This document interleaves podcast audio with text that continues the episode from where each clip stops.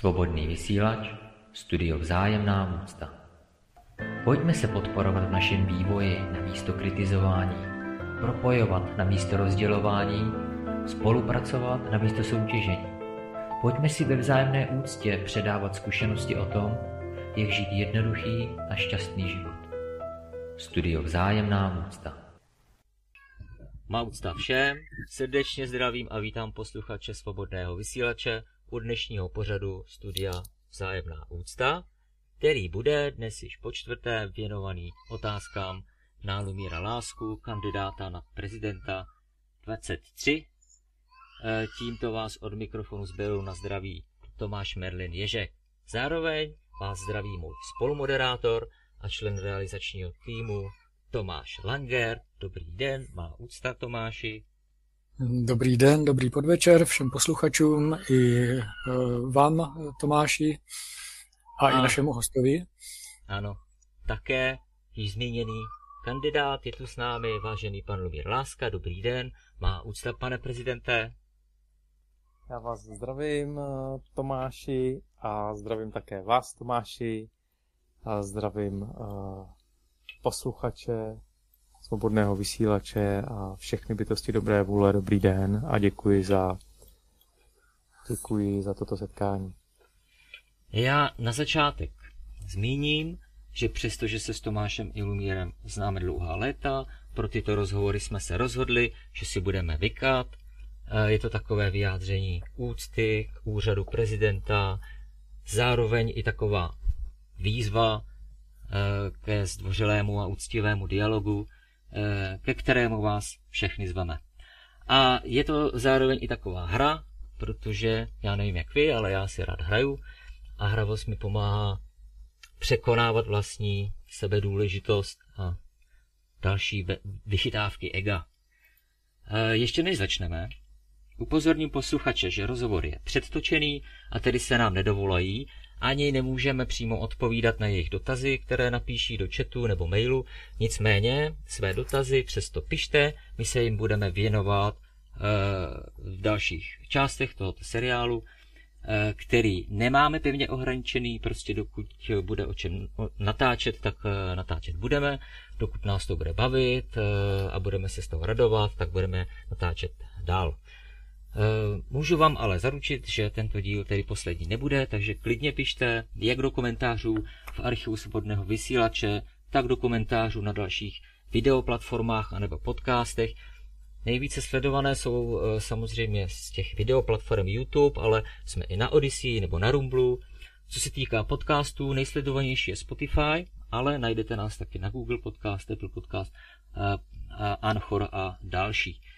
Všude tam nás najdete jako kanál Srdce Darmy, případně studio Vzájemná úcta. E, pod tímto studiem jsme k nalezení také v archivu svobodného vysílače. E, pokud se vám naše tvorba líbí, nezapomeňte nám dát odběr, like, koment, prostě nám e, dejte nějakou odezvu, zpětnou vazbu, stílejte obsah dál. Pokud si to, o čem si povídám, povídáme tady, přejete, aby se stalo realitou, tak si to pro sebe nenechávejte, a aby se ta zpráva dostala k co možná největšímu počtu lidem. E, no a vlastně jaká to je zpráva? E, já za sebe, tedy díky zkušenostem, který mám, můžu říct, e, že je zde čestný kandidát, který to nedělá kvůli prestiži, moci, posílení vlastní důležitosti, ale z čistého srdce a pro všechny ostatní. Aby si uvědomili, že je každý sám svým prezidentem. Já tady ocituju jednu větu z rozhovoru naší tiskové mluvčí Míši Minaříkové s kandidátem na prezidenta Lumírem Láskou, která se týká právě toho, o čem eh, jsem tady mluvil. Každý z vás je sám svým vlastním prezidentem. Já jsem tu jenom od toho, abych tu kvalitu ve vás všech probudil. Což je možné pouze za předpokladu, že vy sami jste už natolik morálně silní, že si vy sami čistý život přejete. A já se o tohle tématu eh, ještě na chvíli zastavím a navážu tedy první vykopávací otázkou. Tím, co jsem právě ocitoval, říkáte, pane kandidáte, že každý by si měl uvědomit, že je svým vlastním prezidentem a že vy jste tím buditelem, který za předpokladu, že si přejeme pro sebe čistý život, dovede v nás kvality prezidentství probudit. Vnímám to jako takovou metaforu, kdy prezidentstvím je míněna vlastní důstojnost nebo sebeúcta a pokud se mýlím, tak mě prosím opravte, jak to chcete udělat, nebo jak to děláte, jak souvisí tato vaše kandidatura se sebeúctou českého, potažmo československého národa a jednotlivců v něm. Máte slovo. No, ha.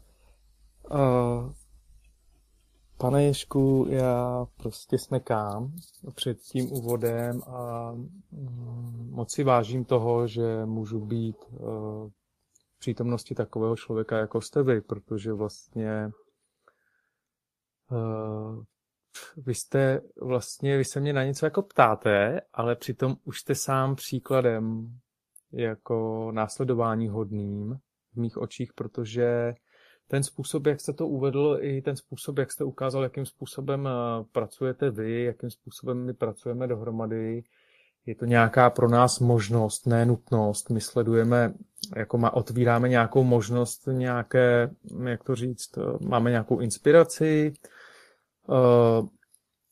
um, kterou nám samozřejmě poskytují bytosti, které jsou vyšší než my.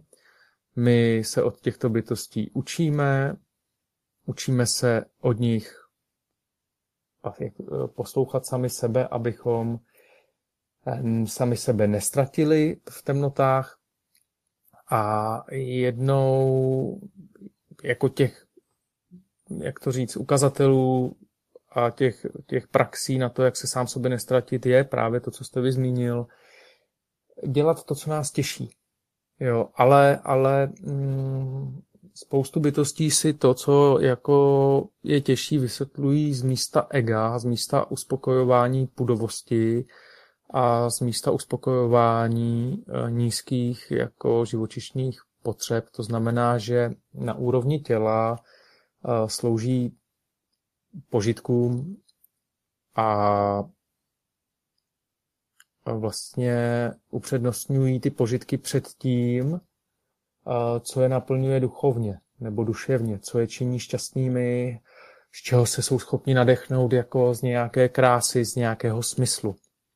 A já bych navrhl posluchačům, aby si otevřeli možnost rozdělovat bytosti, aby se na ně naučili nazír, nazírat. Je to jedna z praxe rozlišovací schopnosti takového sebedotazování.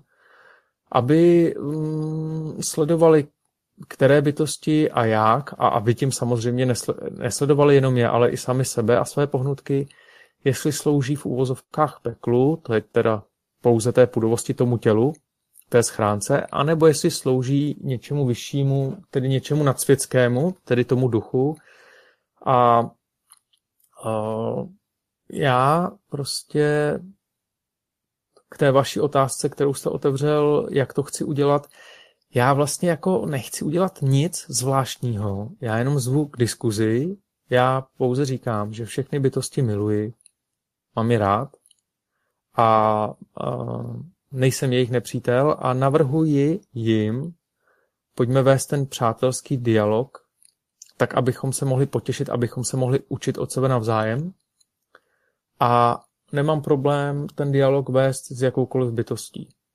Jo, a to je ale kvalita, kterou disponuji já. To neznamená, že touto kvalitou disponuje každá bytost, protože vlastně pokud bytosti podléhají nějakým svým vlastním nespracovaným předpojatostem a temným stínům, tak vlastně říkají, já teďka dám příklad, nebudu se s ním bavit, protože a tady to a to je pod mojí úroveň.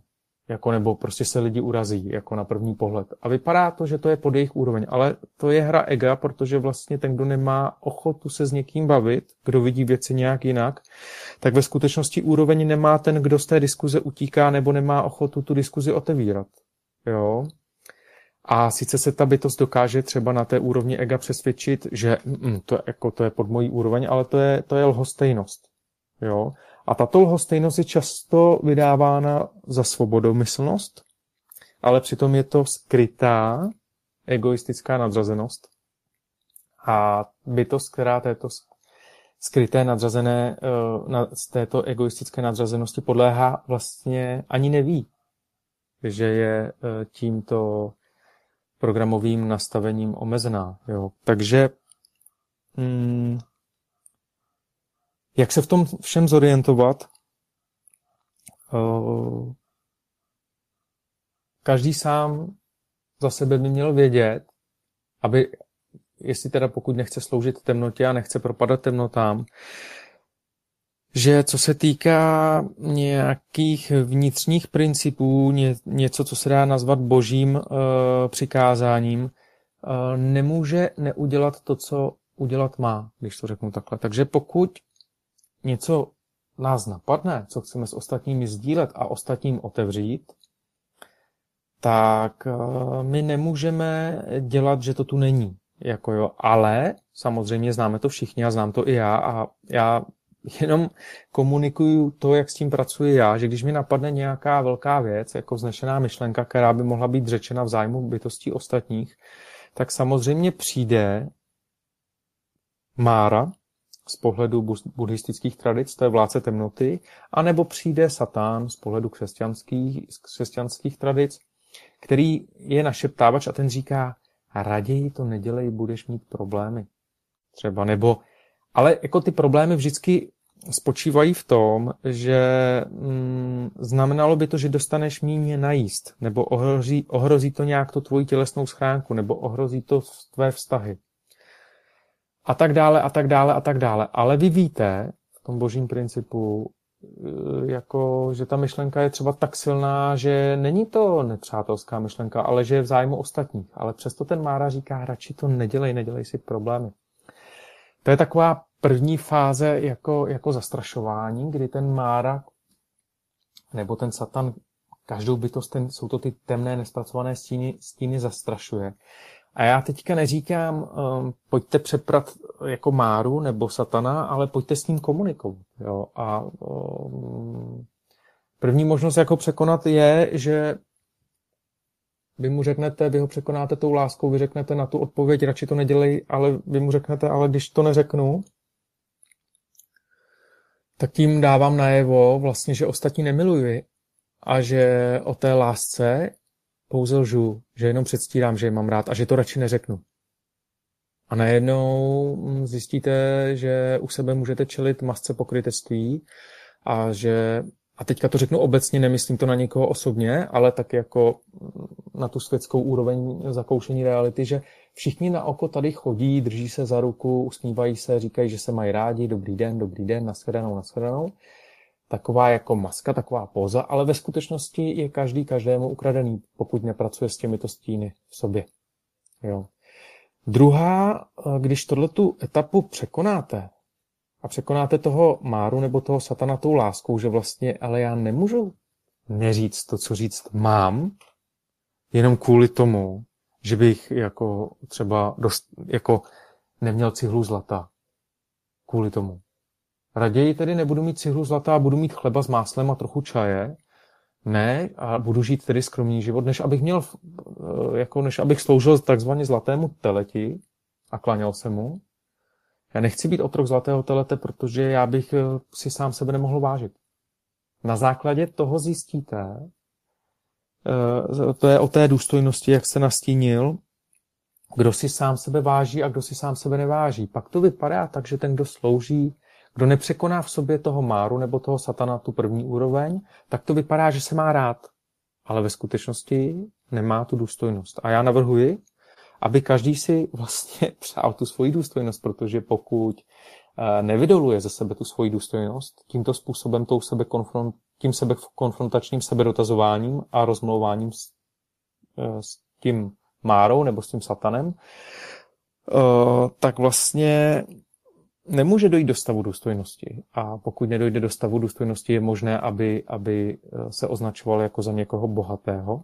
A z pohledu světa a z pohledu těch zlatých cihel třeba může být na oko bohatý, ale z pohledu duchovní reality, z pohledu duchovních bytostí, z pohledu vysokých bytostí, které nás vedou a řídí a které již přesáhly tento hmotný svět, je to v podstatě mm, odpuste mi tu tvrdost, ale upřímnost taková je. Je to v podstatě žebrák, který slouží koloběhu zrození a života samsáře a je to bytost omezená. Jo. A e, my, abychom realizovali ten vzestup, tak je potřeba, abychom přesáhli tu hmotu mentálně, aby ne, není to o tom popírat hmotu, ale je to o tom, že si dokážeme odepřít požitky a že e, já tím neříkám, že nemám rád všechno to, co mají rádi všichni mám, ale je, aby jsme mohli být důstojní, tak potřebujeme vědět, že to mít můžeme, ale nemusíme. Jo. Nebo jinými slovy, není všechno zlato, co se třpití. To znamená, že pracujeme s tou touhou a tím chtíčem. A tedy, a teďka to vezmu na ten příklad té prezidentské kandidatury. Já jsem to otevřel jako možnost. A vlastně ta hra spočívá v tom, že já jsem sám před sebou ve svých vlastních očích a nejenom ve svých, ale v očích vysokých bytostí, se kterými komunikuji, vítězem, že je zde ten precedens, kdy probuzená bytost Budha na prezidenta jednoho ze států na celém světě oficiálně kandidovala. To se stalo, to se nedá odestát. K tomu existují tři dokumenty, vy jste jeden z nich zmínil, z jednoho jste čerpal, to je rozhovor s naší tiskovou mluvčí paní Michailou Minaříkovou a v tom rozhovoru, kdo chce jít do hloubky poznání a do toho, jakým způsobem se na situaci ve světě a na svět jako takový dívám, tak může. A to je celosvětovým precedencem, o kterém už jako se ví i v zahraničí a různé bytosti to nějak jako chroupou, přechrupují, nějak to v nich pracuje. A mm, jak to říct? Uh, já tím nesleduji to, že chci být prezident. Já tím otevírám možnost být člověkem, který zve k tomu dialogu. A vy jste to tady nastínil v tom úvodu a vlastně náš přátelský vztah je vlastně naší reklamou o tom, jestli jsme toho dialogu schopni a jestli, nebo jestli nosíme jenom masky ega a, a předvádíme se před ostatními. A chceme jenom jako se dostat na hrad, aby jsme měli výhody jako nějaký, jako, jako mít to jako někdo, kdo to nějak má a nám je líto a trápíme se tím, že to tak nemáme. Ne. Eh, kouzlo, kouzlo, naše kouzlo spočívá v tom, že mm, my, my už se těšíme z toho, že ta kandidatura se stala, těšíme se z toho, že o tom bytosti komunikují, těšíme se z toho, že bytosti díky tomu, a to je pro nás to přednější, komunikují budhovo učení, že se k ním to poznání dostává. A když se na to podíváte z pohledu budhy, tak vlastně, který se inkarnuje na jakoukoliv alternativní realitu, do jakékoliv alternativní reality a karmické souvislosti, tak vlastně ten Buddha vzal pouze nástroj systémový, to je v tomto případě kandidatura, nejdostupnější možný nástroj, který mu ta, jak to říct, karmická situace systémová umožňuje.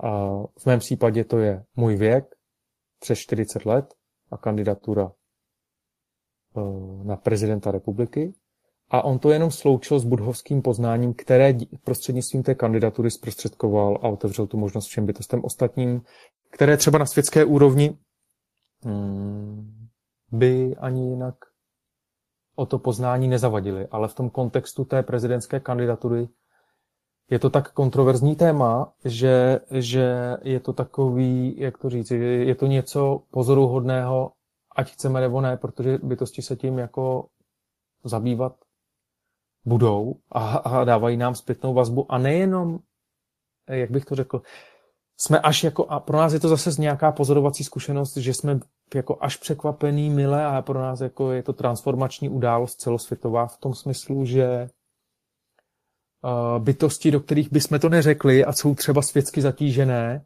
najednou jim to dává smysl. A bytosti, které jsou jako v našich očích možná na oko, jako duchovní, tak těm to smysl nedává, protože to je moc jako, že to je politika a že se to nedělá. A mm, jako mají odpor k té politice, protože mají své vlastní nespracované stíny a uniká jim, že politika je jakákoliv aktivita i uh, předávání učení Budhy a nebo, nebo předávání učení Krista a nebo, nebo jo, prostě všechno je politika. Ale tolik k té vaší otázce a jenom ještě dopovím, a tím bych rád uzavřel, druhý stupeň zastrašování jo, druhý stupeň Máry nebo Satana je. A to je prostě, já si pouze uvědomuju, že bytosti, které to nemají zpracované, tak tomu podléhají také a ty vás buď budou spochybňovat, nebo vás budou zastrašovat a zase vy v tom uvidíte jejich slabost a proto, proto jim budete rozumět a proto se na ně ani nebudete zlobit, protože vy uvidíte, že ten, kdo nepřekonal, nepřekonal a nepracuje s tím, aby překonával tyhle dvě úrovně toho satana nebo máry, První věc je tedy spochybňování, nedělej to radši, protože kdyby a co by a jak to bude. A když neza, nezafunguje ta první úroveň a dostanete se na druhou a uděláte první krok, tak ten satan nebo ten mára přijde s, s vydíráním. Uh, s vydíráním, uh, s, vy, s vyhrožováním o fyzické likvidaci, s absolutním vyrezetováním vašeho těla. Prostě s připravením vás o, o tuhletu existenci tady. Tak, to je takový náročnější téma. Nicméně je potřeba je komunikovat, abyste všichni věděli, čemu čelíte, abyste současně porozuměli, že i takzvaní vaši nepřátelé čelí tomu samému a že oni nejsou vašimi nepřáteli proto, že by si to svobodomyslně vybrali a nějak by to mysleli osobně proti vám. Oni nemůžou být eh, na tom jinak, než jak na tom jsou, protože uh, oni nemůžou jinak. Oni, oni slouží tomu našeptávači a oni toho našeptávače poslouchají. A to je pán temnoty, vládce hmoty, kníže hmoty a pouze ty bytosti, které se rozhodnou s ním komunikovat a k tomu vlastně vede to poznání Budhy a vlastně kromě toho, že e, nyní jsem kandidát na prezidenta České republiky, tak e, zastupuji Sangu srdce darmy, to je společenství blahovolných přátel, kteří se ve vzájemné úctě podporují v poznání Budhy, tak ehm, to společenství je zde proto, aby bylo podpůrnou skupinou bytostem, který, které si uvědomují a už jsou natolik vyzrálé, že to není žádná legrace, to, o čem se tady bavíme.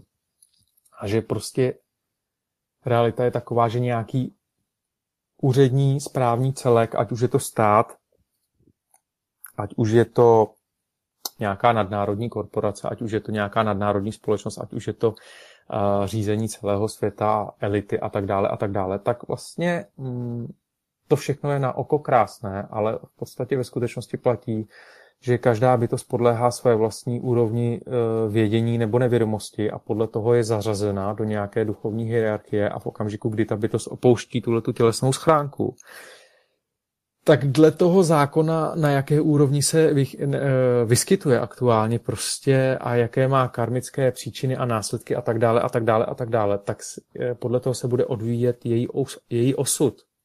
A když si to potom spojíte um, s pohádkou Smolíček Pacholíček, je krásně dostupná na uh, YouTube, nebo uh, Vlastimil Brodský jí namluvil, nebo se podíváte na pohádku Jana Vericha Filmfárum, nebo se podíváte na Tři zlaté vlasy děda Vševěda,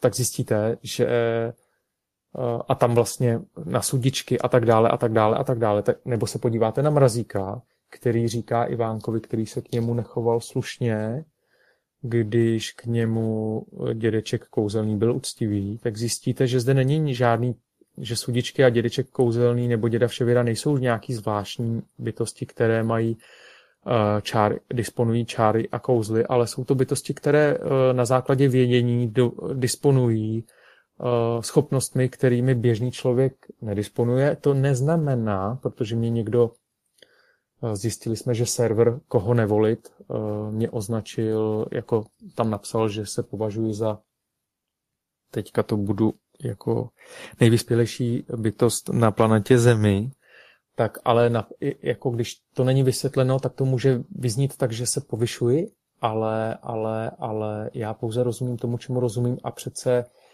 uh, nebudu dělat, že nerozumím tomu, čemu rozumím, když, když ne, nebo jako nebudu dělat, že tomu nerozumím, když tomu rozumím. Jo? Takže vlastně to není o tom, že bych byl jako nadřazený třeba našemu psovi, kterého miluji, ale současně si uvědomuji se vším respektem, že on uh, nerozumí třeba souvislostem, kterým rozumím já a teďka nechci, aby to někoho urazilo, ale vím, že to někoho může bolet a bolí to zejména nějaké jako ego, nebo respektive bolavé je ego, ale člověk by to za egem v podstatě nikdy bolavá není, ale je třeba to komunikovat, aby ta transformace se děla v rámci všech bytostí a je potřeba si uvědomit, že Buddha není nepřítel, i když to tak na první pohled může vypadat, Buddha je přítel všem bytostem, které touží po duchovním vzestupu na vyšší úroveň. Jo? Takže ještě k tomu Márovi nebo Satanovi číslo dvě, ten potom, jak s ním pracovat, to je potom jako vyšší dívčí, to je potom potřeba komunikovat s vyššími bytostmi a žádat o jejich podporu. A to je další technika, ale nikdo tu není na to sám, protože kdo opravdu touží potom tu hmotu přesáhnout a být tu jako pro všechny bytosti ostatní, aby jim mohl být oporou v překonávání toho, co sám překonal, tak tomu bude poskytnuta pomoc od budhovských rodin, do které spadá samozřejmě kromě vznešeného budhy Šákramuniho zvaného Gautama, který je naším hlavním patronem, i také náš milosrdný pán Ježíš Kristus, kdy tyto dvě vysoké bytosti jsou našimi hlavními patrony. A já vyzývám všechny bytosti světla, které doopravdy jsou bytostmi světla a nejenom, že to jako se na to hrají a předstírají a, a, a veřejně nějakým způsobem na tom profitují. Já je zvu k dialogu u jednoho stolu z očí do očí eh, k mírové svobodné konferenci, která je plánovaná a eh, ke komunikaci možnosti zlatého věku na planetě Matka Země, protože Matka Země eh, je to, je to méně než 500 let trvání Matky Země, která, která její evoluční úroveň se chýlí ke konci a je na nás, jakým způsobem my tento zlatý věk tady zakončíme, jak to bude důstojné či nedůstojné pro všechny bytosti zde zúčastněné. A k této komunikaci ve vzájemné úctě zvu, protože až na pár výjimek, a samozřejmě každý potřebuje svůj čas, Eh, se setkávám zatím ještě s takovým eh, mlčením, kdy všichni vědí, že tu jsem, že jsem realizovaný a probuzený Buddha, ale všichni tak jako, eh, jako nechci říct všichni obecně, ale zatím to do teďka vypadalo, tak už se to začíná otáčet, jako, protože i máme nějaké zprávy i z ciziny a tak dále a tak dále a tak dále a z různých kanálů a zdrojů.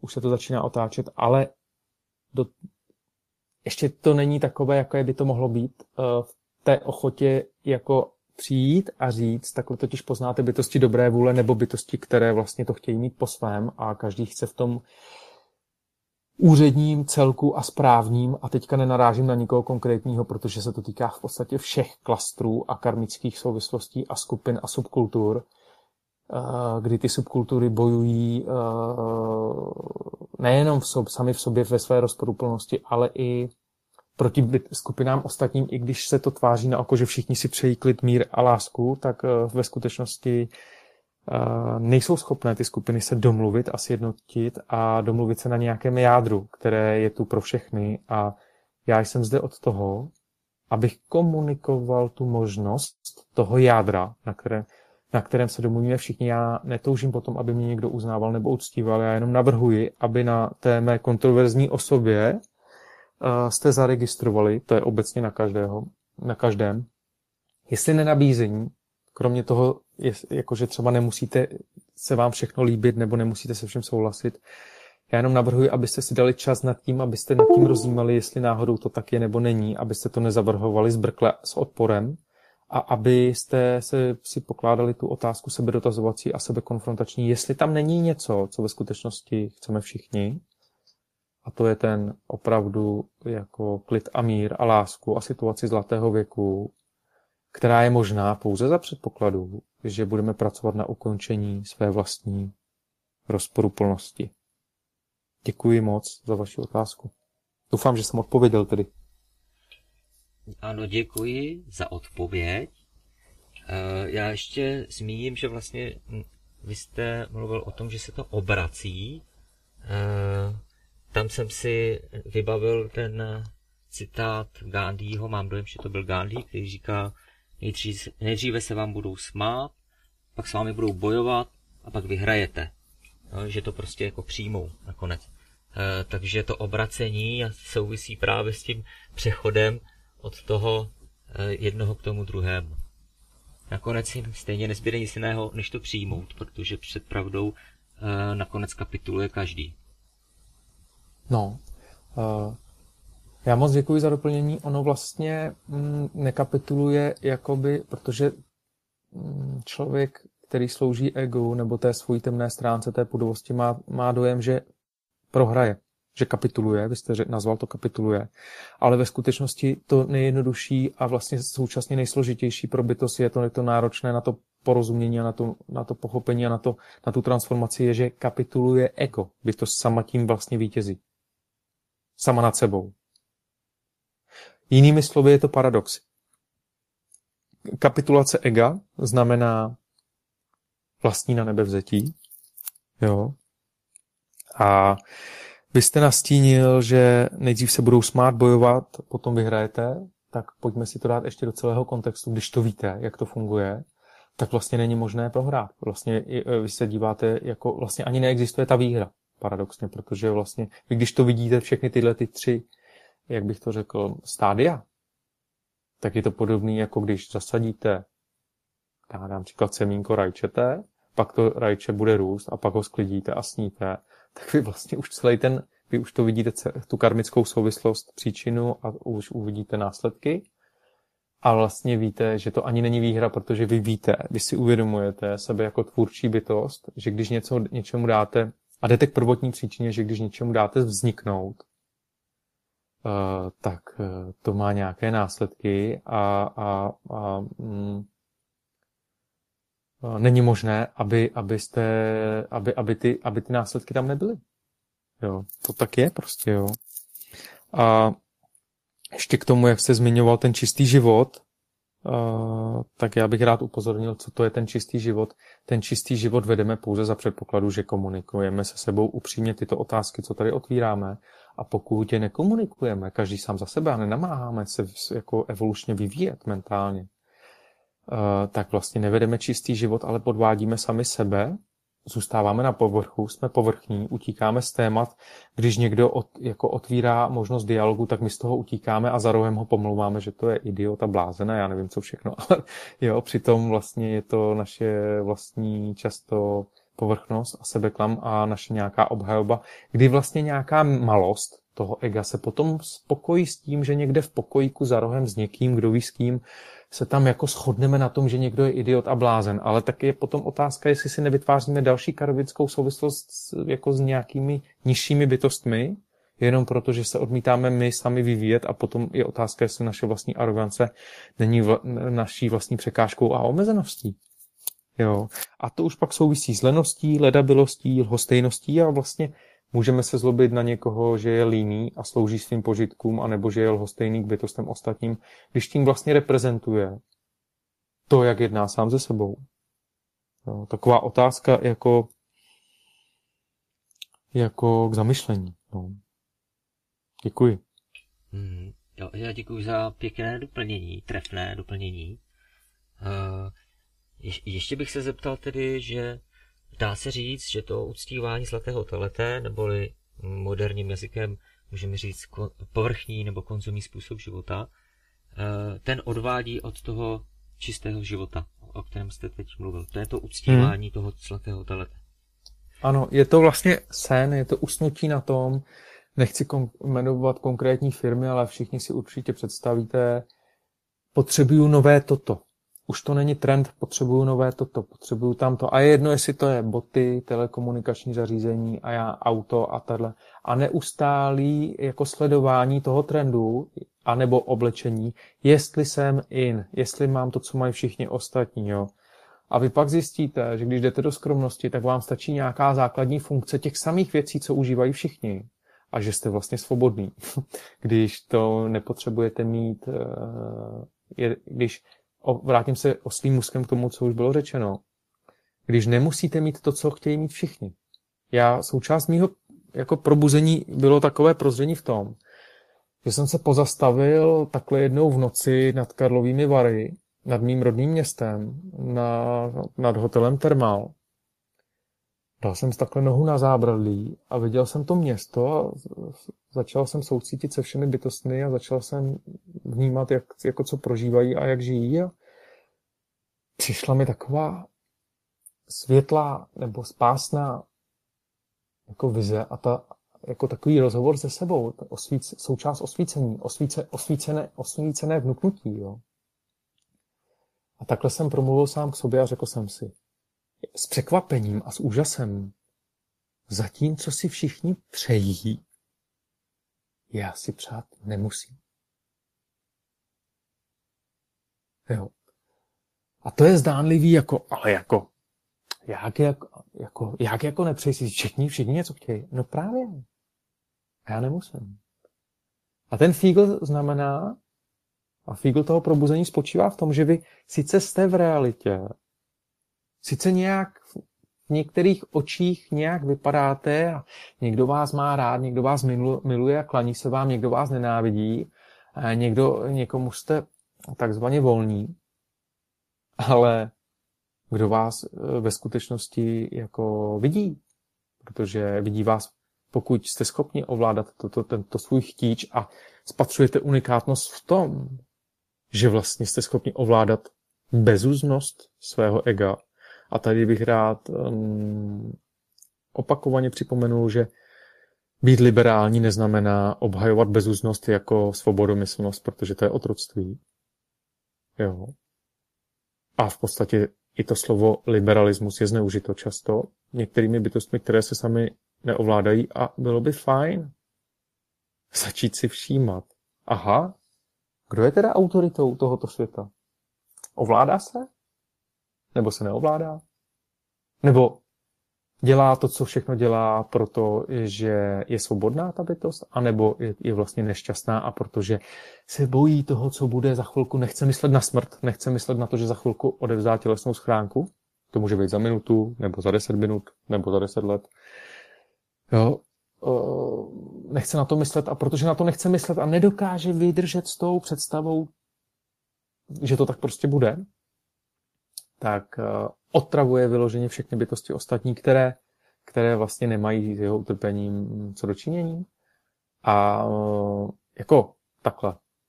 Pokud se zde inkarnujeme, tak v té jeho karmické souvislosti máme všichni spolu co dočinění, protože se nacházíme ve stejné karmické souvislosti, ale bylo by fajn, aby bytosti, které se začínají probouzet, dávaly jasně najevo bytostem, které se neovládají, že jenom protože oni se neovládají, tak proč my bychom měli jako trpět její, jejich jako bezúzností nebo tím, že neovládají sami sebe. Proč bychom? Já to připomenu, jako já často používám, abych odlehčil, jako abych ulevil té vážnosti a té závažnosti, jak se to všechno tváří vele důležitě. Já často přirovnávám nás jako k dětem na pískovišti. A proč kvůli tomu, že nějaké dítě se vsteká, je agresivní a šlape všem na bábovičky a je nervózní a nevrlé, eh, protože se něco neděje tak, jak chce to dítě, tak proč všichni ostatní by se na tom pískovišti nemohli dál hrát? Když ty bytosti, když ty děti nikomu nic neudělali a jsou v srdci a, maj, a mají, mají, rádi i to, do, mají dokonce rádi i to dítě, které je agresivní. Jo, já jsem si přečetl, když uh, matka mé dcery docházela s dcerou, když byla malinká, cvičit, s miminkama, tak já jsem si tam přečetl na jedné nástěnce, já si to pamatuju dodnes. Tam byla nástěnka a tam děti, děti uh, malovali a psali tam různé, různá mota a i, i tam bylo dětským písmem napsáno uh, nikdy se nezlobíme, jenom se divíme. Jo.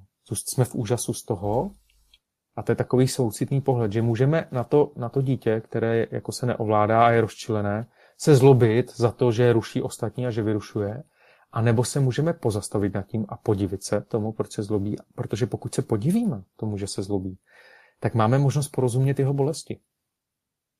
A pokud se namáháme porozumět jeho bolesti, tak zjistíme, že mu můžeme být odpovědí, že ho můžeme obejmout, můžeme zjistit, jaký trn ho kde tlačí nebo píchá, nebo jaký kámen v botě a proč. A můžeme mu říct, hele, ty nejsi šťastný, protože se díváš na svět takhle a tohle to, co děláš, tě šťastným neučiní. a v podstatě uh, možná ti to nikdo neřekl, ale ty třeba si se přesvědčil o tom, nebo ti to někdo nakukal, že autoritou a šťastným budeš, když budeš dělat to, to, to a to, ale, ale představ si, že jsou tady bytosti, které vidí, jak trpíš a které vlastně vidí, že vlastně v tom kotli, který vaříš, současně, i když to vypadá tak, že máš nad ostatními bytostmi navrh, tak vlastně v tom kotlíku, ve kterým ostatní vaříš a dusíš, tak vlastně ty, ty se v tom škvaříš taky, protože ty si vlastně, i když to vypadá, že ostatní k životu nepotřebuješ, tak co by si spočal bez těch, eh, kterým prodáváš představu toho, že je k životu nepotřebuješ, co by si bez nich počal sám. Jo. A to je konfrontační otázka na to ego, a to je otázka na každého z nás, protože každý, každý um, vy jste říkal, Tome, nebo jsme se bavili o tom, jak se to obrací, tak to, jestli se to obrací v mé realitě, tak, tak to je moje práce. Že uh, já bytosti ve svém srdci neopouštím, mám neustále ochotu s, nima, s nimi jejich traumata komunikovat, mám trpělivost neustálou, jsem, ochopen, eh, jsem, jsem ochoten a schopen porozumět každému jednání. I tomu, kde se prostě ego uráží a že teda jako to přijímat nemám a jako, že se k tomu mám, mám porozumění pro všechno. Jo. Ale, ale očekávám, že když nabízím to porozumění, že ty bytosti jako budou chtít taky růst a ne, že vlastně budou chtít jakoby pokračovat v realitě, kde se my evolučně vyvíjíme a, sami se mě neměnit, když to řeknu takhle. Jo, to mi potom přijde jako, když my sami máme čistý stůl a snažíme se s ostatními vycházet a jdeme do toho čestně a upřímně, tak proč bychom jako, mm, jako jak bych to řekl, proč bychom uh, měli prosit o svolení na tom pískovišti, kde si chceme hrát, někoho, kdo vlastně si s náma hrát nechce a chce tam jako vyvádět, nebo jak to říct, jo, tak to není, to není na nikoho obecně, ale to je taková k zamyšlení pro nás, pro všechny. Proč v té křehkosti a zranitelnosti nenajít tu naší vlastní důstojnost, jo? Já jsem teďka uh, díky uh, Tomáši, jak vám, uh, Merliné, tak díky ještě svému příteli ze Slovenska Petrovi objevil, objevil čtyřdílný seriál Ipman a tam se podíváte vlastně, že to je to samé do kolečka. Že vlastně nezáleží na tom, jaká je doba, nezáleží na tom, jestli se kulisy doby mění, ale záleží na tom, jak my v té době reagujeme. Jo. Tam je i příběh uh, vlastně, tam je v úvozovkách hrdina, tam je i příběh policistů, policisty, tam je i příběh toho, skrytých zákulisních zájmů, co a jak, kdo má a proč. A, a tomu čelíme všichni neustále. Jako jo. Takže výzvou je, výzvou je, abychom našli jádro. Ipman říká, nikdo není víc ani míň a svět přece nepatří bohatým a to není nic proti bohatstvím, nebo proti bohatství obecně. Já obdivuju lidi, kteří jsou houževnatí a dokážou se, se, se s, vlastním, s vlastní houževnatostí a sebezapřením dosáhnout prostě věcí, který, kterých třeba každý nedosáhne, ale, ale očekávám od těch bytostí také, jako že když už toho dosáhnou, že si taky řeknou, ale jako není to taky všechno. A můžeme, když jsme si to splnili, třeba se zamýšlet nad tím, jak to můžeme být pro ostatní bytosti doopravdy a nejenom na oko, jakože tu pro ně jsme, ale ve skutečnosti eh, je třeba můžeme chtít jenom zneužít k tomu, že se nám hodí, protože jsou třeba, nevidí naší motivaci, jo, skutečnou, kterou je jenom, že nám třeba vyhovuje, že mají s někým spor a tak dále a tak dále a tak dále, abychom na tom my sami profitovali. A to je, to přece není proti nikomu, protože to je sebekonfrontační otázka na, na vás, Merline, stejně jako na vás, Tomáši Langere, jo. Je to pořád jako jsi čestný, dáváš ostatním to, co od nich chceš. Jo. A když půjdeme do této skromnosti, tak vlastně zjistíme, že nám je v tom nejlíp. Protože pokud uh, tímto sebedotazováním a touto sebekonfrontací do té vlastní skromnosti jdeme, tak vlastně tím krotíme sami své vášně a chtíče a jsme vlastně sami klidní a díky tomu nás nepohlcuje temnota a my nejsme otroci každodenního návalu informací toho všech.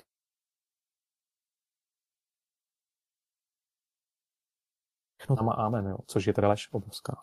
Tak nevím, jestli jsem odpověděl. Snažil jsem se, pořád to směřuju na to prezidentství, důstojnost, sebeúctu. Jo. Já děkuji, jenom nám to poslední minutku trochu vypadávalo, tak ten konec už nebyl tak dobře slyšet. Uh, ale um, já teď navážu úplně na úvod, na začátek, kde já jsem zmínil, uh, nebo mluvil jsem o sebeúctě českého, potažmo československého národa. A to jsem zmínil schválně, československý národ, protože v minulém rozhovoru jste vlastně končili nějak tím tématem s jednocení Československa, tak mě napadlo takhle, že můžeme navázat. Já jsem u toho rozhovoru nebyl, ale mám dojem, že tam byl Tomáš Langer, proto já mu teď dám slovo, eh, aby položil teda otázku nějakou navazující na ten minulý pořád, pravděpodobně týkající se toho sjednocení. Tak tedy Tomé, můžete. Mm-hmm. Uh, ono to, o tom sjednocení uh, Československa, nebo klidně můžeme říct Slovensko-Česka, uh, můžeme ho, hovořit opravdu dlouho a a na různých, z různých pohledů. Eh, mě by teď asi zajímal pohled eh, ten, eh, jakým způsobem vlastně otevřít tu cestu, aby ty mysli lidí, které teďka si třeba říkají, je nám teď takhle dobře a vlastně nic dalšího nepotřebujeme, tak jak, jaké pak sjednocování, jakým způsobem vlastně těmto lidem pomoct k tomu, aby porozuměli té vzájemnosti a blízkosti obou národů. Hmm. No, uh, Tomáši, já vám děkuji za tuto vaši otázku. Hmm. Já se ještě vrátím k tomu sjednocení, opětovnému sjednocení Československa, protože je to paradox. My se bavíme o opětovném sjednocení Československa, ale ve skutečnosti pro bytosti, které mají otevřené srdce, k žádnému eh, rozdělení nedošlo. Opakuji to, co jsem už řekl. Pokud vidím uh, svatbu, vidím tam Čechy i Slováky. Pokud vidím pohřeb, vidím tam Slováky i Čechy. Pokud vidím Lumíra lásku, vidím dvě babičky, Slovenky, uh, původem Bratislavy, vidím uh, dědečka původem z Jižních Čech, vidím uh, dě, druhého dědečka původem z Německa. Jo. Uh, prostě všichni, a to zase připomenu čtyřdílní seriál nebo celovečerní seriál filmu Ipman, kdy manželka Ipmana říká, Myslela jsem, že život mi patří, nějak jsem tomu nerozuměla, teďka to parafrázuji, ale ona říká, ale patříme rodině, patříme, patříme tomuto místu. Patříš v sobě, patříš rodině, patříš tomuto místu a vyzývá Ipmana svého manžela, přestože je nemocná, aby na ní nebral tolik ohledů, eh, i když je nemocná, aby udělal to, co nemůže neudělat. A klade mu otázku, jestli by čelil výzvě, uh, kdyby ona byla zdravá, které Ipman by normálně asi čelil. A on jí říká, že ano. A ona mu říká, tak běž a udělej, co nemůžeš neudělat. Jo. A Ipman poukazuje neustále a poučuje vlastně toho policistu, že vlastně je to o nějaké sebeoběti a že život není fér a že tak to prostě je a že život není jako snadný, ale my nemůžeme udělat to, co je třeba udělat, protože eh, si přejeme zanechat našim generacím tuhle tu karmickou souvislost. Eh, nechceme se potom dívat na to, že jsme pro ně neudělali to, co jsme mohli. A nechceme odcházet na druhý břeh s plní lítosti toho, že jsme udělali to, nebo že jsme neudělali to, co jsme udělat měli. Jo? Takže my vlastně jsme nuceni sami sebou. Nebo Bohem Všemohoucím, který je v každém z nás, jiskra Boha Všemohoucího, k tomu, aby jsme v, tom, v tomto smyslu sami sebe neopouštěli, protože pokud v tomto sebe budeme opouštět, tak vlastně nemůžeme odejít smíření na druhý břeh. A pokud ne, ne, ne, neodejdeme na druhý břeh smíření, tak tam odejdeme nesmíření a pokud odejdeme nesmíření, tak vlastně kvůli tomu je třeba potom se vracet a uklidit po sobě nepořádek, který jsme neuklidili. Jo. Um, uvedu to na příkladu, je to podobné jako nechce se nám uklidit pokoj nebo utřít práh, ale potom, když je uklizeno, tak jsme rádi. Jo. Takže je třeba, když se nám do toho nechce začít a pak objevit, že nejtěžší je začít, ale jakmile začneme, tak už se to děje. Takže vlastně není třeba brečet a plakat nad rozlitým mlíkem a pořád, kdo je viník a kdo to a kdo byl za prodanec a jak to udělal, jak se pořád setkávám jako s bytostmi v roli oběti, které by to chtěli na někoho hodit a nebo naopak, které si do mě nebo do jiných kandidátů nyní, nyní projektují někoho, kdo to za ně udělá, koho tak jako klacíkem postrčí dopředu, aby je tam zachránil. No. Ale to ne.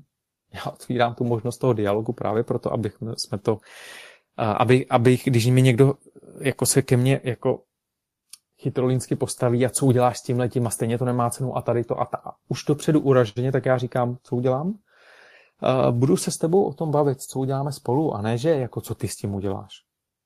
Jako, nebo že já to hodím na tebe, abys to udělat. Pojďme si vyhrnout všichni ruce, eh, teda rukávy a pojďme se ušpenit a pojďme uh, pracovat na té zahrádce naší, když to řeknu takhle.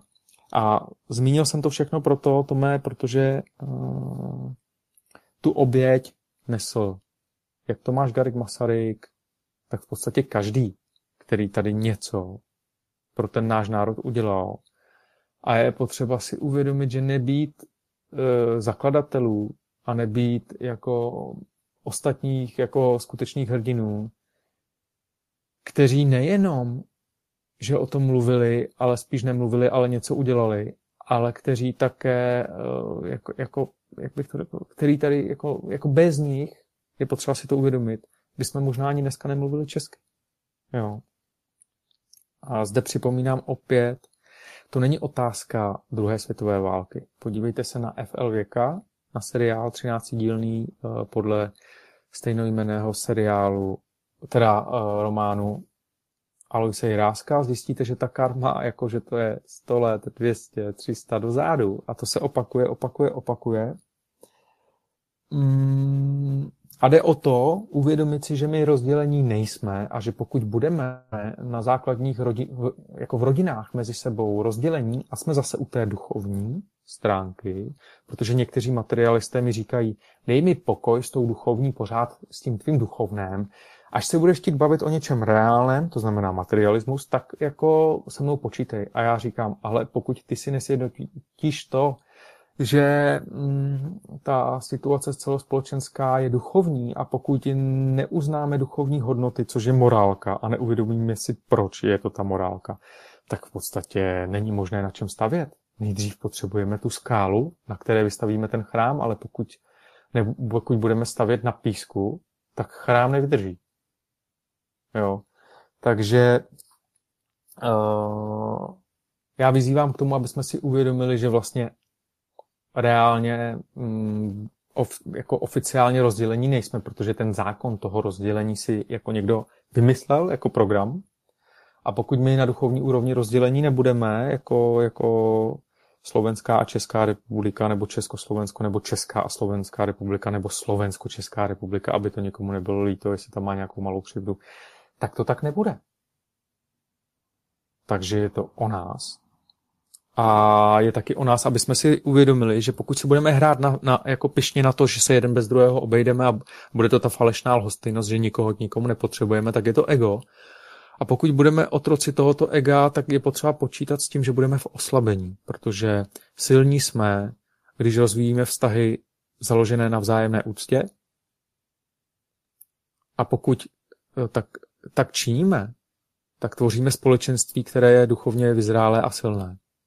Ale pokud tak nečiníme a vědomně se o to důsledně v obyčejnosti, v křehkosti a zranitelnosti, že když někdo potřebuje obejmout, tak tu pro něj jsme, když potřebujeme obejmout my, je to na nás moc, tak tu pro nás jsou ti, pro které jsme tu byli my předtím, protože proč by tu pro nás měli být, když my jsme tu pro ně předtím nebyli. Jo? Tak vlastně, když to budujeme od píky, tak s poctivostí nejdál dojdeš. A když to nebudujeme, tak vlastně nemůžeme se divit, že jsme rozdělení, rozpolcení sami v sobě a jak, na, jak, jak v sobě, tak navenek.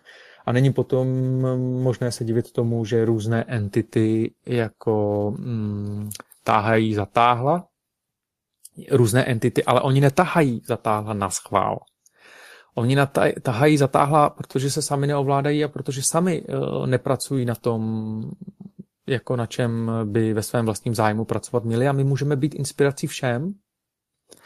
A mm, pokud budeme sami sobě i ostatním a pokud se budeme učit od bytostí jako třeba Ipman a tak dále a tak dále a tak dále, těch, těch hrdinů tady je, stačí si jako, jako si těch jejich kvalit všímat a zamýšlet se nad tím, jestli byli, byli blázni, anebo jestli jako věděli, proč to dělají a že možná byli možná na tom líp než ti, kteří si o nich mysleli, že jsou blázni.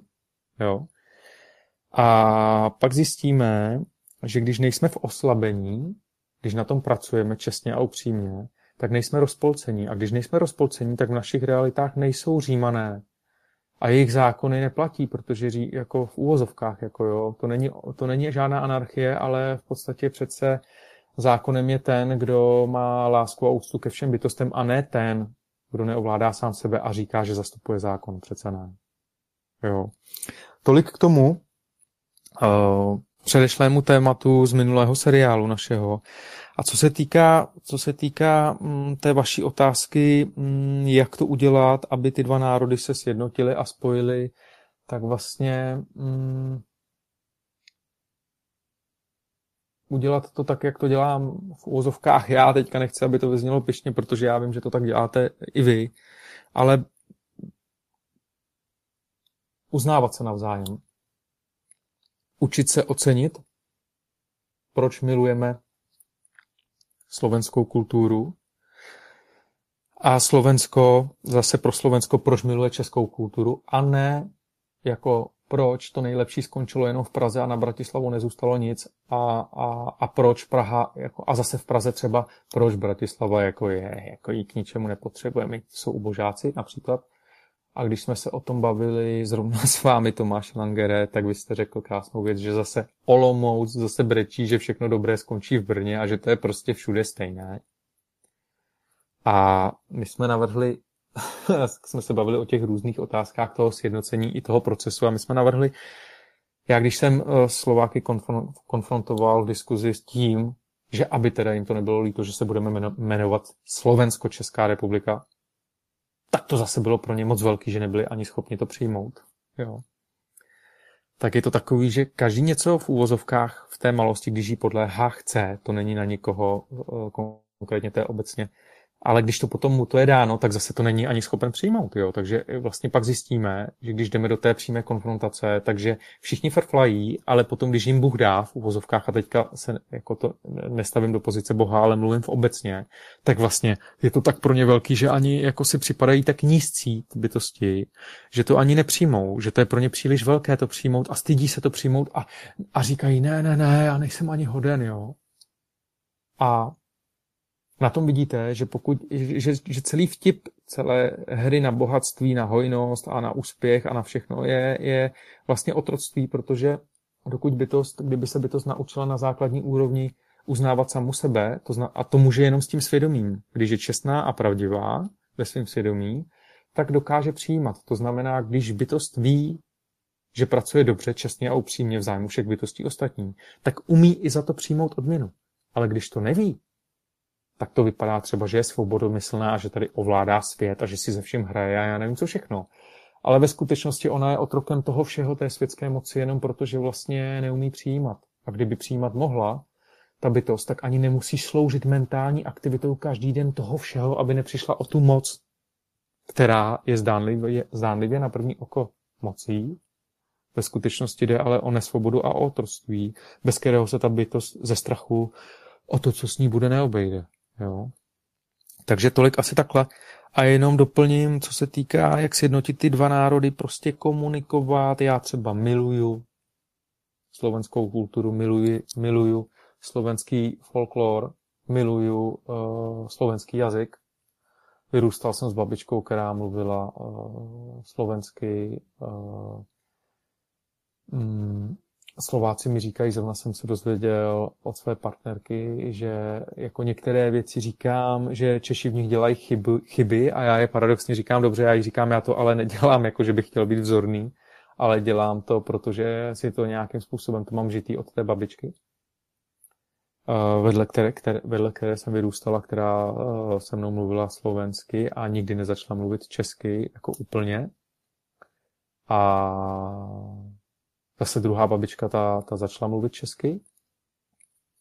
A, a co se týká té vaší otázky, jak to udělat, tak prostě je to o, o projevování si vzájemné úcty. Pokud my bytosti na základní úrovni půjdeme k sobě a začneme, naučíme se oceňovat, co je na nás úžasné, třeba jako já si třeba ve, velmi vážím vás, Tomáši Langere, že o vás vím, že vy jste člověk, který v případě nejvyšší nouze svého bližního v nouzi neopustíte. Jo. A to je prostě jako něco, co k vám neodmyslitelně patří. A já bych byl blázen, kdybych uh, vás ve svém srdci neuctil a kdybych se choval tak, abych riskoval to, že o vás ve svém životě přijdu. Například. Ale existují bytosti, který, eh, který si tuhle tu vaši kvalitu neuvědomují a kterým to je jedno, jestli takový jste nebo ne, ale oni nevidí, jako, ale já si to uvědomuji, naštěstí pro mě, jestli mi rozumíte, jo? to je takový příklad. Mm-hmm.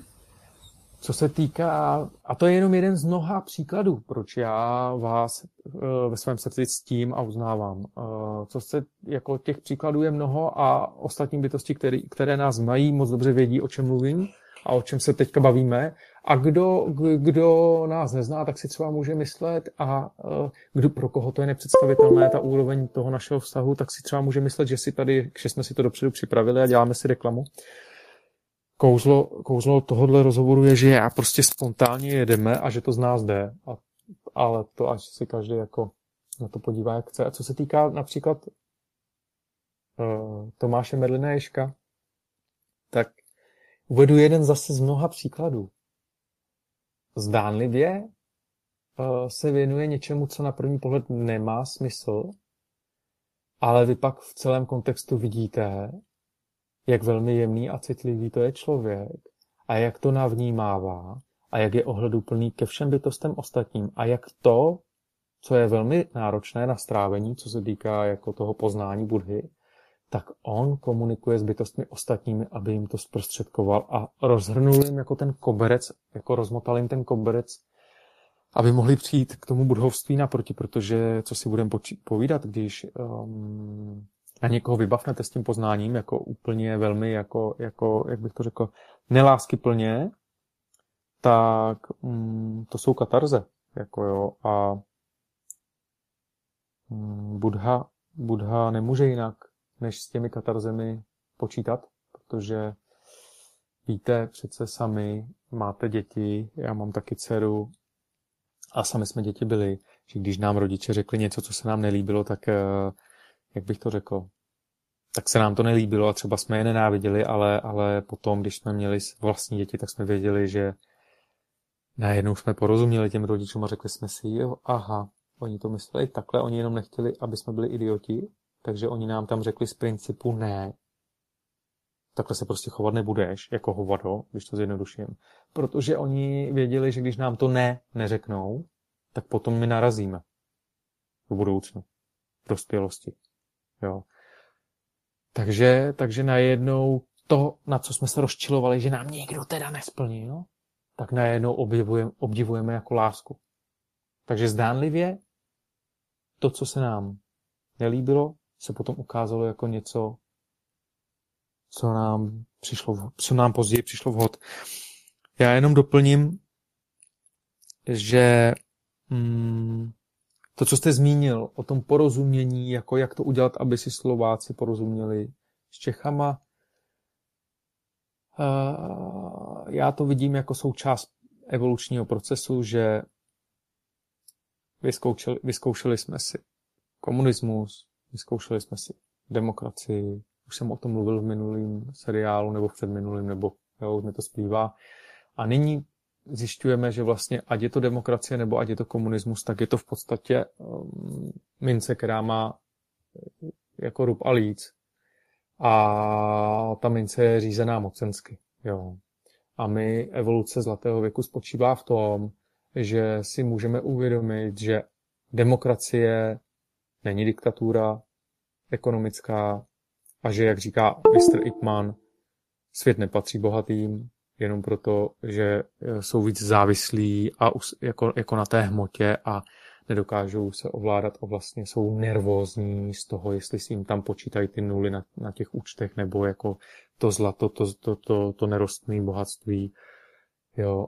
A svět přece patří bytostem dobré vůle, které tu jsou i pro ty bytosti, které se neovládají, protože jim jdou příkladem a navrhují jim v podstatě možnost komunikace ve vzájemné úctě, navrhují jim nějaké bohatství, kterého vlastně ty bytosti, kterého nenabízejí, schopni nejsou, protože tím bohatstvím zatím neoplývají.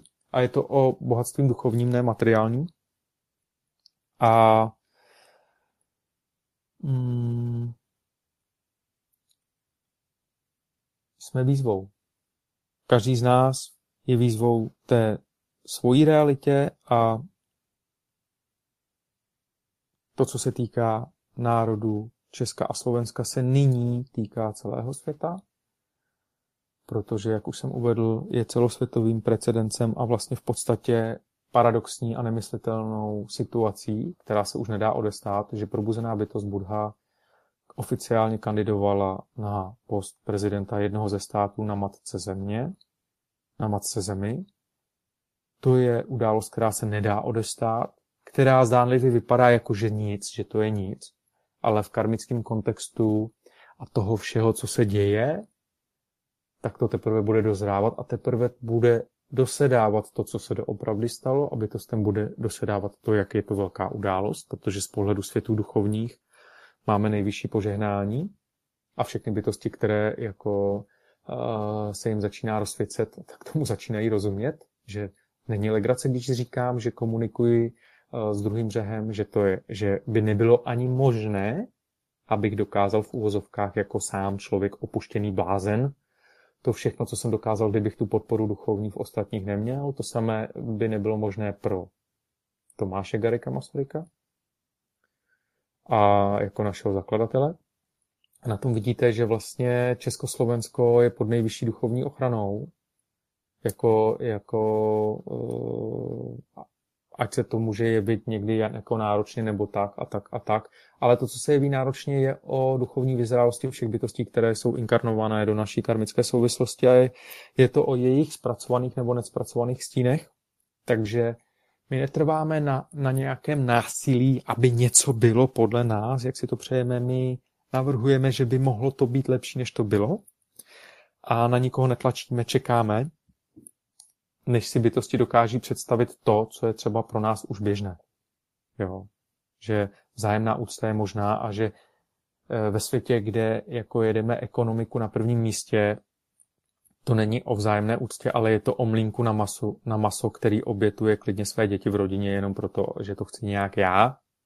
Takže jsem schopen třeba obelhat své děti, které třeba k někoho milují, k někomu si rozvinuli důvěru a potom, když najednou se nám ten člověk nehodí, tak o něm řekneme eh, těm dětem, že je nějaký, aby, aby ty děti, a vlastně svedeme vlastní děti na cestí, e, nějak prvoplánově a pak nám ani není líto, když ty děti třeba do budoucna sejdou z cestí a, uh, jak bych to řekl, um, podléhají nějaké karmě, kterou si slízli za to, že někdo uvažoval nejdřív leda byla a prvopánově. Jo.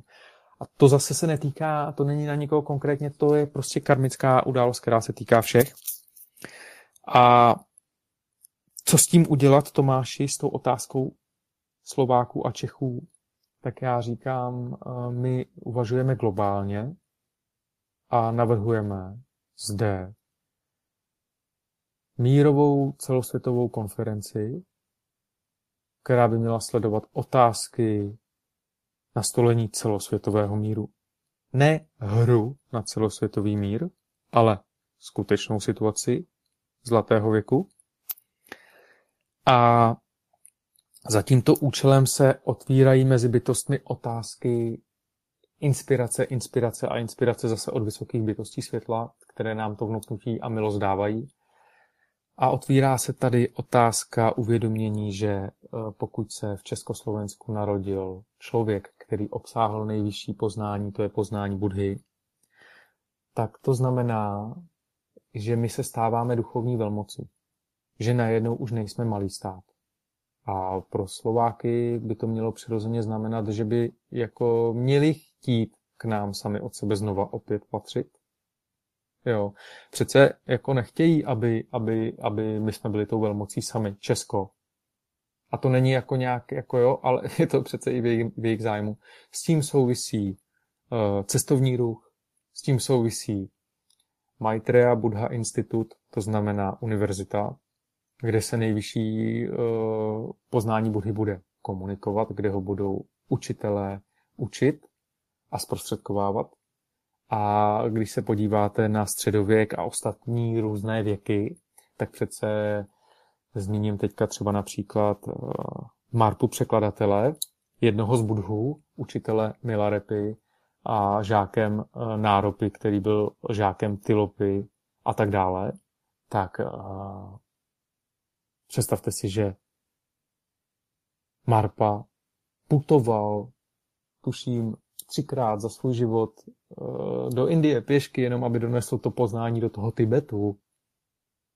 Takže na tom vidíte, jak to poznání a to vědění je nezbytností. A když si uvědomíte v té duchovní hierarchii, že vědění znamená moc, to znamená v okamžiku, kdy opustím tuhle tělesnou schránku, tak potřebuju být mocný a musím vědět, jakým uh, duchovním jako svazkům a hierarchím náležím či nenáležím a pokud v tom jasno nemám, tak vlastně se mnou může být amen a kdo ví, do jakých e, situací multi mnoho vrstevnatého vesmíru se můžu dostat, do jakých temných světů, tak vlastně mm, najednou e, ta, ten Maitreya Buddha Institut dostává na celosvětovné významnosti a stačí si to uvědomit a my tak jako v úvozovkách čekáme, než e, těm některým bytostem a ať chce, chtějí nebo nechtějí a začíná postupně některým to docházet, že na první pohled můžeme být tedy blázni, kteří se předvádějí, nemají co na práci a předvádějí se a, a, a tak dále a tak dále a tak dále, protože vlastně bytosti většinou vás nahlíží podle toho, jak se sami předvádějí,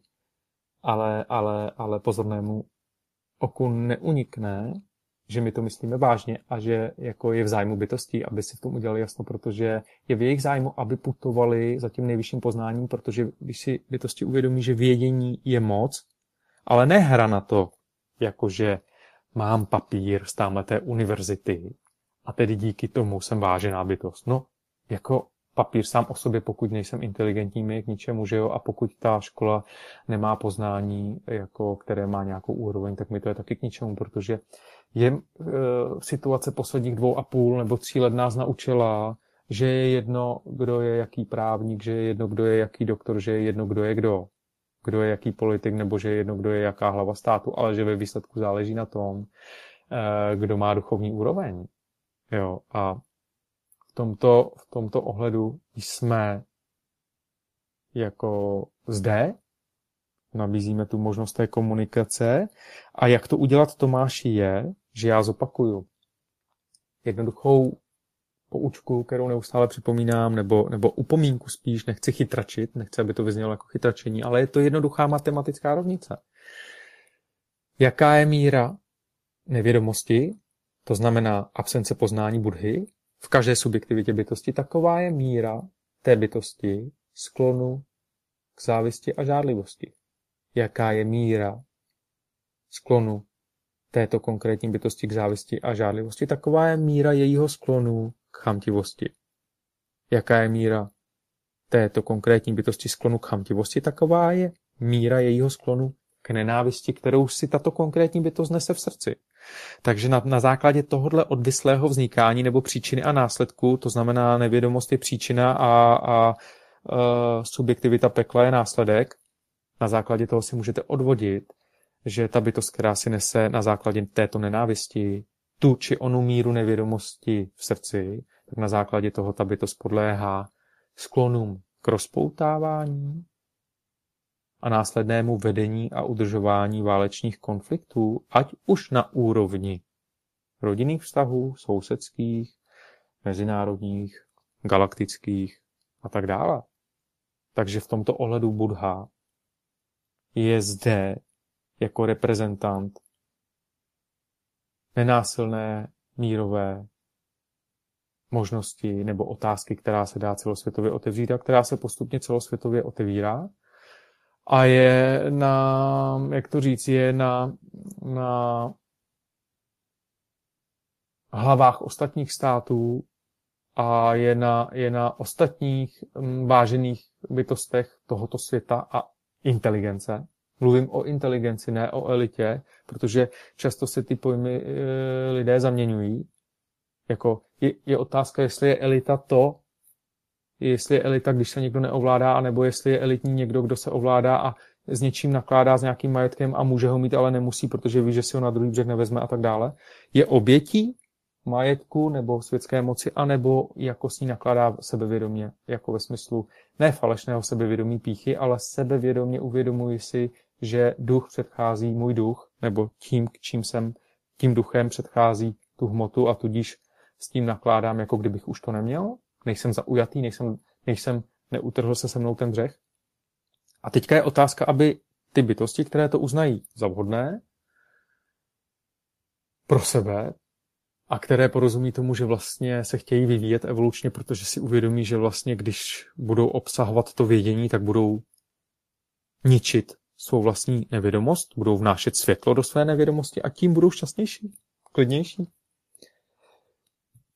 Tak nevím, Tomíku, eh, jestli jsem vám odpověděl, ale my tu cestu zde otvíráme globálně a máme zatím zpětnou vazbu, o tom víte i vy a a bytosti, které jsou s námi a mm, propojují to tady s námi, jsou to různí andělé a takový podporovatelé, tak oni vědí, kdo jsme, co tady děláme a že přes možná všechna různá nedorozumění na první pohled zbytečná, si uvědomují, že my jsme tady proto, aby jsme tu možnost, kterou jsme zrealizovali u sebe, zprostředkovali i bytostem ostatním, i těm zdánlivě na první pohled nepřátelským, které se postupně dovědí, že náš milosrdný Pán Ježíš Kristus, včetně Lumíra a včetně našeho dalšího patrona, vznešeného Budhišáky Jamuniho, zvaného Gautama, je miluje. A přišel jim říct, že je miluje tak, jako oni sami si ještě představit nedokáží a to není žádné pohrdání, ale prostě eh, pokud si bytost neváží sama sebe, tak není možné se divit tomu, že si neváží ani nás. Jo, takže to je taková, jako já vím, že to je trošku chabá útěcha, ale je potřeba. Kouzlo je, že když se to komunikuje a té bytosti, která se chová bezúzně a neurvale se řekne, hele, teď jako ty se tak chováš jenom proto, že vlastně se nemáte rádi mezi sebou v rodině a ty nám vlastně tady reprezentuješ to, jaké vztahy máte doma, tak najednou už to není jako nic, na co by, jako, co se dá odprezentovat jako pícha. A najednou už to není jako PR, které se prodá na oko jako že zlaté hodinky, anebo nebo já nevím co, jo. Takže v tomto smyslu by se mělo Československo, nebo jak někteří naši kolegové navrhují, Slovenská a Česká republika, nebo Česká a Slovenská republika navrhují tento název jako stát baštou vědění, v podstatě švýcarském, takovým, protože můžeme zde mít univerzitu, která nemá ve světě obdoby. Jo, to je možnost. Kdo se té možnosti chopí, my už s některými bytostmi tu možnost otevíráme a komunikujeme a, a, a kam to bude pracovat, tak tam to bude pracovat. My to otevíráme, netrváme na tom. Otevíráme to. Děkuji za vaši Tomáš, uh, děkuji za vaši Toma, Tomášku uh, otázku. Já taky děkuji jsem to, za... Chtěl jsem se opravit, ale už říkám, nechám to tak, ať to, uh, ať, ať, ať je sranda taky. Já také děkuji za velmi rozsáhlou odpověď a ještě na to chci navázat tím, jak jsme mluvili o, té, o tom klíči, kterým je vzájemnost, úcta a důstojnost vlastně jednoho i druhého národa, nebo respektive můžeme i třeba Moravany a Slezany považovat za, za svébytné národy, takže všech národů, e,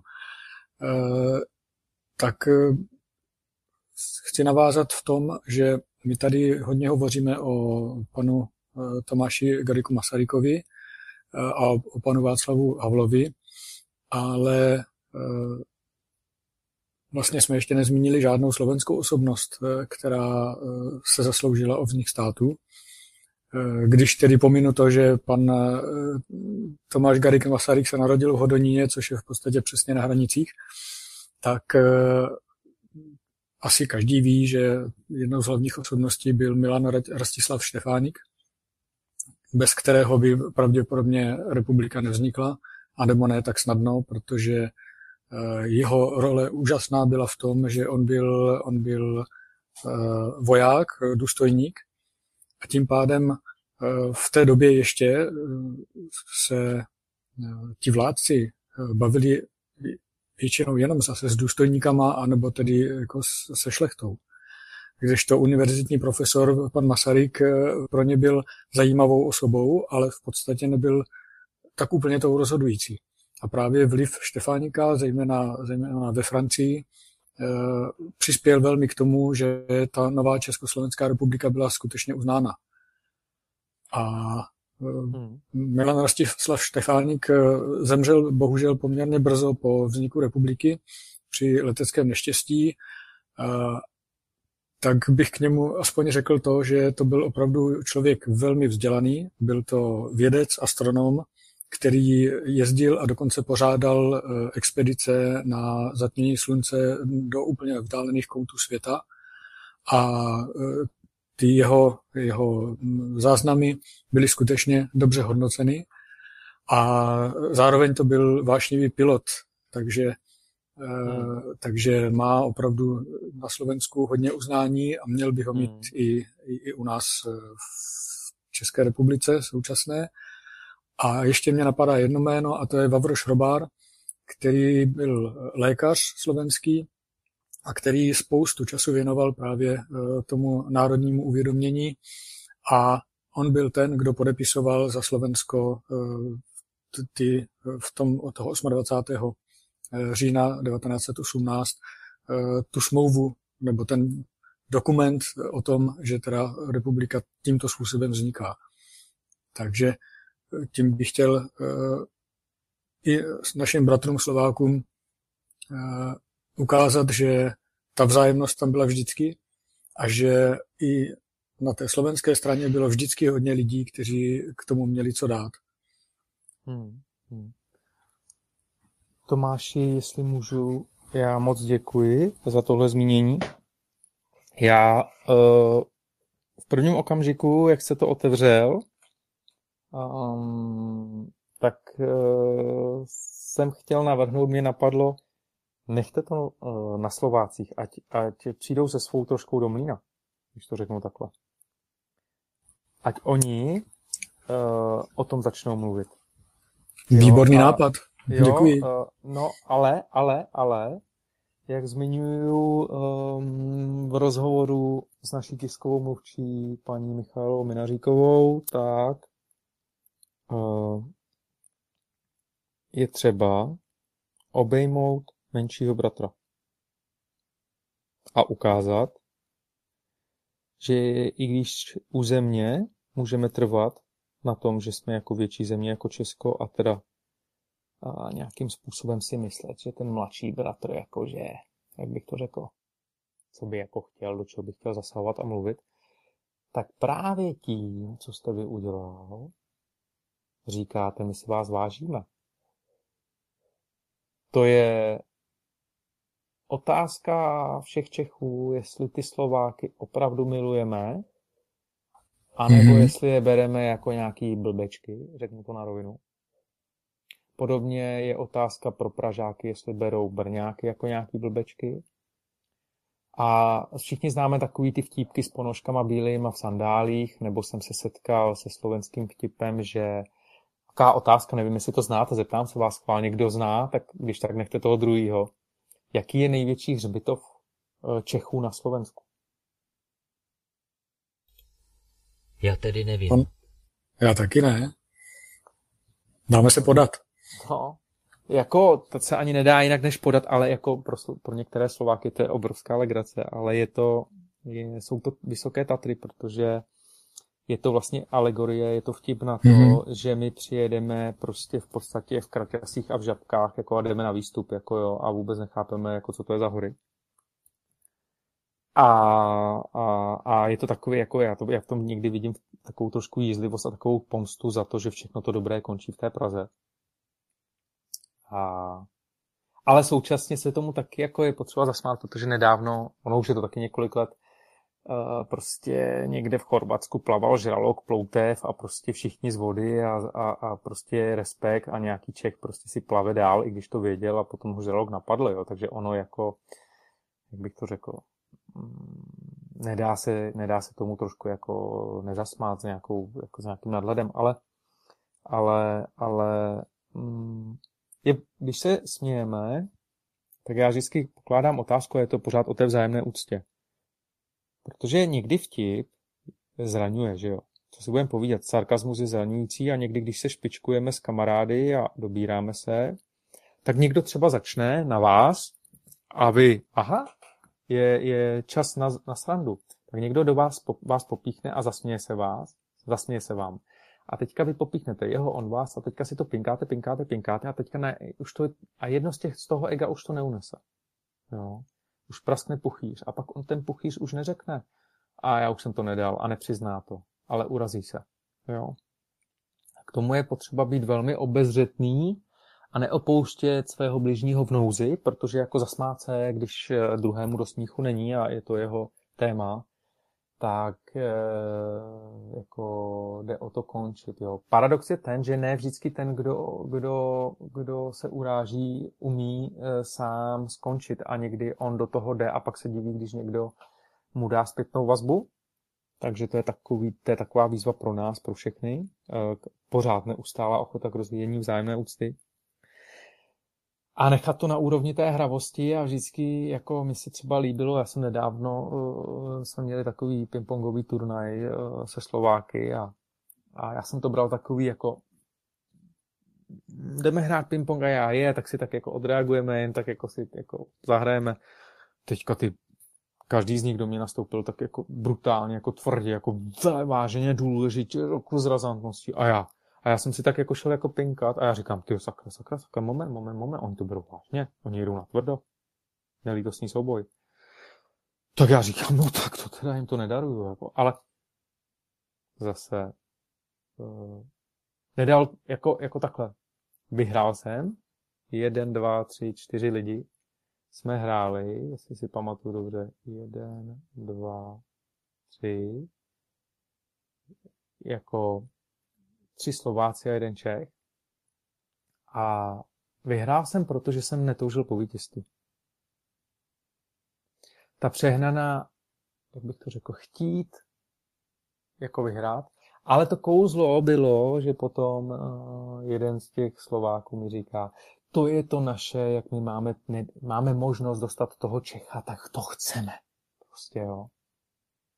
A kouzlo té bytosti bylo v tom, že to řekla. Jo? A já říkám,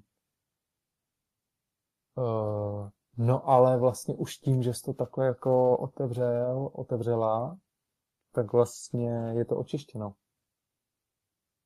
A uh, kdyby, kdyby, jestli chceš jet domů v klidu a míru, tak se na to podívej tak, že jeden můj děda je Němec, druhý Čech a dvě babičky jsou Slovenky, takže si vlastně neprohrála.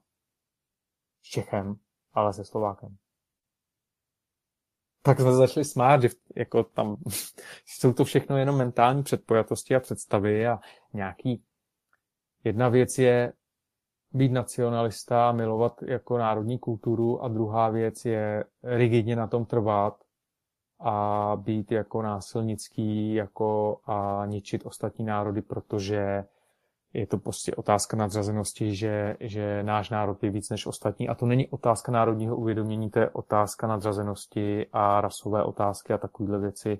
A já, já jsem pro, mm, já miluji všechny kultury, a protože ze všech kultur se můžeme učit eh, a poučit sami sebe o tom, co je, co je tam v pořádku a co je v nepořádku. Třeba co se týká toho, co je v nepořádku u nás jako karmicky, tak když se podíváme na opakuji film, velmi doporučuji, je třeba zabít sekala. A podíváme se, že v té karmické souvislosti se narodí někdo někoho znásilní, narodí se z toho dítě a tomu dítěti se posmívají, že to je parchant a to dítě potom žije v nenávisti, protože ostatní se vlastně vysmáli obludně ženě, kterou někdo znásilnil a namísto toho, aby jí milovali a dali jí teda péči a nějak i tomu dítěti, tak ještě z toho, z té bolesti, ještě se ty lidé jako by pomstili jako tomu člověku. A tam to je obrovská jako, kde to jsme, jak je možné, že je mezi námi ten parchant v úvozovkách, je otázka na nás. Ale to se týká i politiků. Všichni pořád by chtěli, tady to je, tamhle to je jako debil a primitiv a nenávist a já nevím co všechno, ale i otázka na nás, na všechny přece je, jak je možné, že v naší, jak, to, jak je možné, že jsme tak bezohlední, že jsme dopustili, aby, aby tady někdo takhle, jak bych to řekl, se projevoval, jak to, že mu nebylo dáno dostatek lásky. Jeden takový eh, příběh eh, od jednoho kamaráda, který to i divadelně stvárnil, mm, nevím, jestli si to teďka vzpomenu dobře, ale myslím, že to byl židovský příběh, že v nebi mají, uh, jsou, jsou ty příbory velmi dlouhé, že ty se nenajíš lžící sám, ale musíš nakrmit toho druhého. A ten druhý musí nakrmit tebe, protože ty sám tou lžící si to do těch úst nedáš. Jo. Takže to s tím souvisí a, a ještě zmíním film e, nebo první díl asi desetidílného seriálu České století. Nechápu, proč se to jmenuje České století. Jo, hm, vůbec by se to nemělo jmenovat České století. A mělo by se to jmenovat Československé století, ale tak jako asi nevím, jaké tam byly zájmy a proč. Nebo je to pořád hra s tím vědomím a s tou přepisováním historie, co jak bylo, nebylo, možná nějaká politická příprava na něco a tak dále. Ale je to takový, taky, taky taková nabídka ďábelská, jako vy jste suverénní stát a teďka buďte na to pišní. Ale paradox je, že bez toho Slovenska jsme slabí a Slováci jsou slabí bez nás. A teďka si vemte, že třeba někteří Slováci můžou být slabí, že můžou si říkat, jasně, my jsme teďka konečně suverénní. Ale je to opravdu tak? Jo, a to je potřeba k tomu je potřeba sebereflexe. A mm,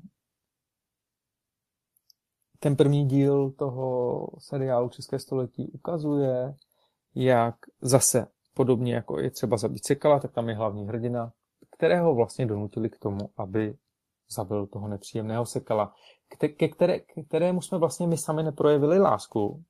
A proto On byl potom zlý zpátky na nás, což je vlastně přirozená karma. A my za to ho chceme zabít. No, tak to je sebeklam v přímém přenosu. A, a um, úžasnou roli tam strávil taky pán Jiří Bartoška, o kterém jsem přesvědčen, že moc dobře ví, jak to tady funguje, jak se to odehrává a že, že to tak jako, jako že to tak sleduje a, a tak dále.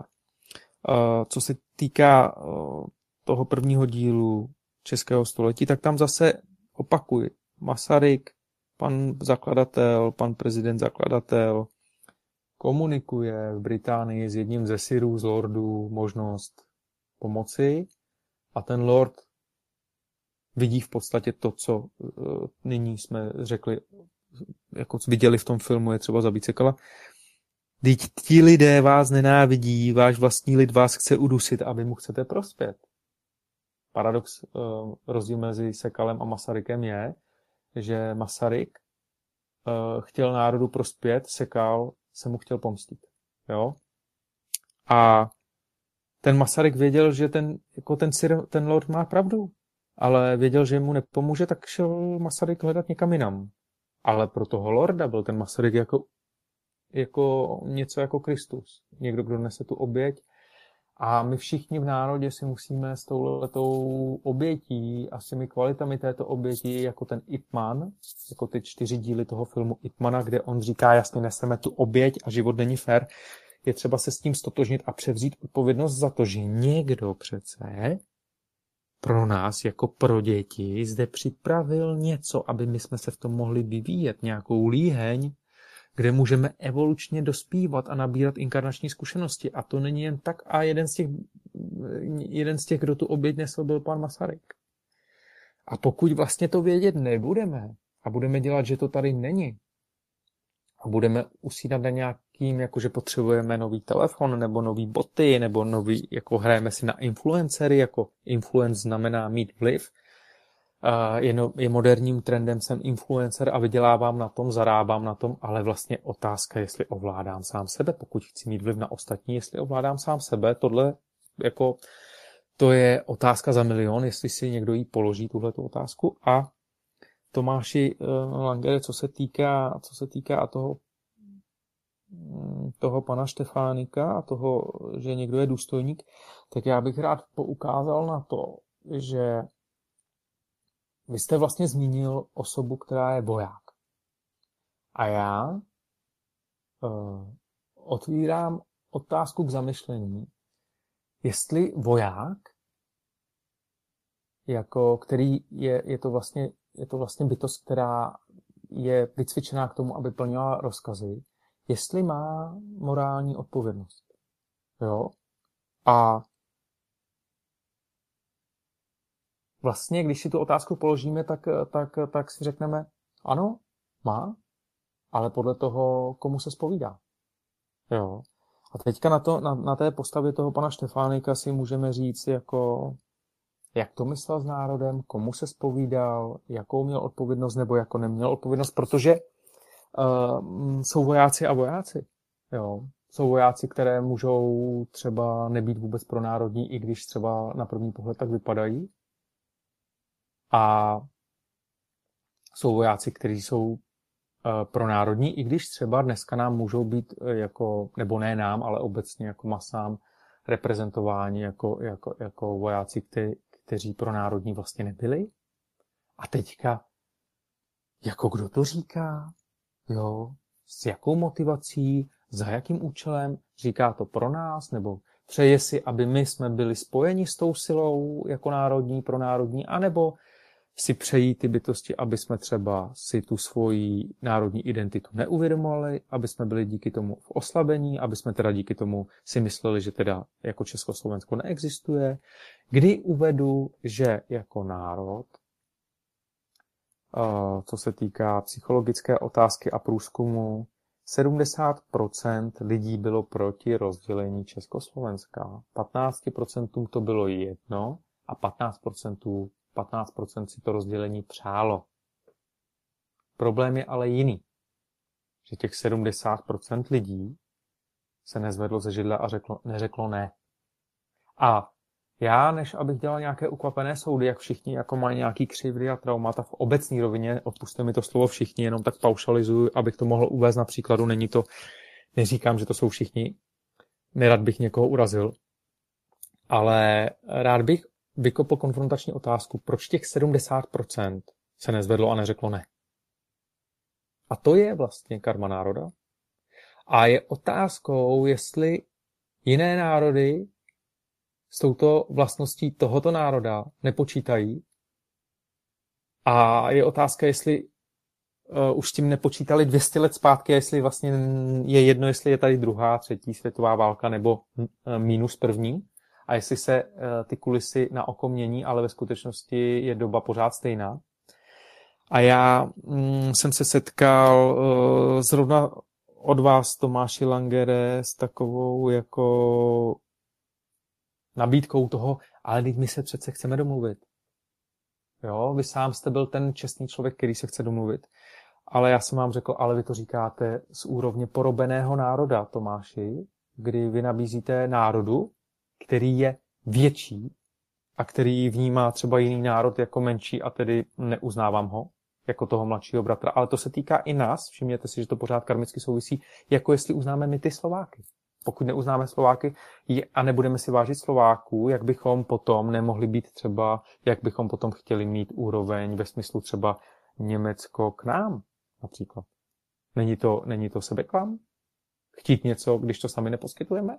A v tom je ten nádherný, jak by to zrcadlo, to nádherné zrcadlo té vlastní sebekonfrontace a možnosti ochoty k vlastnímu urůstu, k uvědomění vzájemné úcty a svou náležitosti. A já jsem vám na to Tomáši řekl, že prostě, když to vezmu z pohledu toho, mm, té bytosti, která je podléhá své vlastní nadřazenosti a, vní, a e, nedívá se na to z pohledu lásky, která miluje tu kulturu, třeba i tu rozmanitost, jako já můžu třeba milovat třeba srbskou kulturu nebo, nebo chorvatskou, uh, protože nejsem povýšený a miluju jako jako ještě menší země a tak dále a je to v pořádku, ale prostě mm, pokud je to nezralá bytost a ty bytosti se neustále vyvíjejí, tak eh, a opakujeme se tady neustále ve stejných karmických souvislostech, tak otázka na, na vás, pane Tomáši Langere, byla, jestli si dobře vzpomínáte, jestli náhodou vůbec někdo o nějakého Tomáše Langera, který se chce domluvit a má úctu k Němcům, skutečnou ze srdce, z úrovně porobeného národa, jestli to vůbec někoho zajímá v Německu, jako v obecní rovině. Neříkám, že všichni, uh, třeba, třeba uh, nějakého umělce by to zajímalo, třeba nějakého duchovního vůdce by to zajímalo, ale, ale je potřeba si položit otázku, jestli, jestli uh, ty bytosti mají co do toho mluvit. A uh, zase mi to připomíná uh, pana Moravce, který je přezdíván a poštol Národní zrady, a taky hromoschod, spoustu nenávisti a tak dále, který tu zase existují spousta dokumentů a filmů, o něm doporučuji zkouknout všechny možné, abyste si udělali svůj vlastní názor a obrázek o tom, dohledáte si, ale prostě pointa je v tom, že pokud on chtěl tu být pro nás a všichni, jako zase ta karma národa, ne, ne, radši ne, radši se přizpůsobíme, jo, a teda on potom eh, čekal, jestli si pro něj nepřijdou a potom mu Němci řekli, ne, eh, my, my si na vás zálus neděláme, my si ve skutečnosti vážíme lidí, kteří, si, kteří jsou pro národní. Jo. Tak mu se ulevilo a uh, ten jeho žák mu řekl, my si nevážíme těch právě, kteří nám lezou do zadku. A pochopili v Moravcovi, že s ním můžou pracovat pro tu svoji vizi a proto ho použili. A Moravec s nimi začal spolupracovat a je možné se zlobit na Moravce, že je to apoštol národní zrady, pokud ho vlastně nejprve zradili vlastní lidi, jako toho Masaryka nebo jako toho Sekala. A potom samozřejmě, a to je to vlastně ten sebeklam největší, potom jako to nepochopení, že když vlastně se otočila karta, což vlastně je otázka vteřin, kdy se může otočit karta jako politická, jo, a převlíkání kabátu a tak dále. Takže teďka ten, kdo byl horlivý a říká, a tady to a tamhle to, ty seš tak, tak nakonec potom, ne, já jsem to tak ani nemyslel třeba, jo, když najednou zjistí, kdo za váma stojí a s kým jste propojený třeba, jak se to celý najednou, ta situace vykreslí úplně jinak, Víte, jak je to Bůh všemohoucí, má smysl pro humor. A docela brutální někdy, že i já sám žasnu někdy. Ale prostě, když se otočila karta, tak toho Moravce potom zase rozběsněný dav chtěl linčovat a zlikvidovat, protože uh, ten rozběsněný dav nechtěl převzít odpovědnost za to. Pan Moravec v mezičase si dělal nárok na, nebo myšlenky na křeslo prezidenta Háchy, zastupitelského, a, a, a, a tak dále a tak dále, ale vlastně neunesl tu tíhu konfrontace, že už ten dav ho dostane, tak než aby se nechal zničovat davem, tak uh, spáchal vlastně sebevraždu pod Pražským hradem, protože autu došlo benzín. Došel benzín. Takže tak a tak a tak. Takže uh, pokud my si přejeme růst duchovně a pokud si přejeme důstojnost a pokud si přejeme, jako jak to říct, my nepotřebujeme vůbec velkou zem, ani nepotřebujeme zvláštní, jak bych to řekl, nerostný bohatství, ani nepotřebujeme zvláštní technologické jako postupy, protože i jako hm, zatím jsme dokázali akorát to, že jsme všechny o všechny jako přišli a nenechali si je a tak dále. Protože různě se přeprodali, zbavilo se jich, to ukradlo a já nevím, co to je, ale jedno. My máme nyní uh, možnost vědění. My se můžeme stát Československo jako, jako, jako baštou univerzálního vědění, nejvyššího poznání.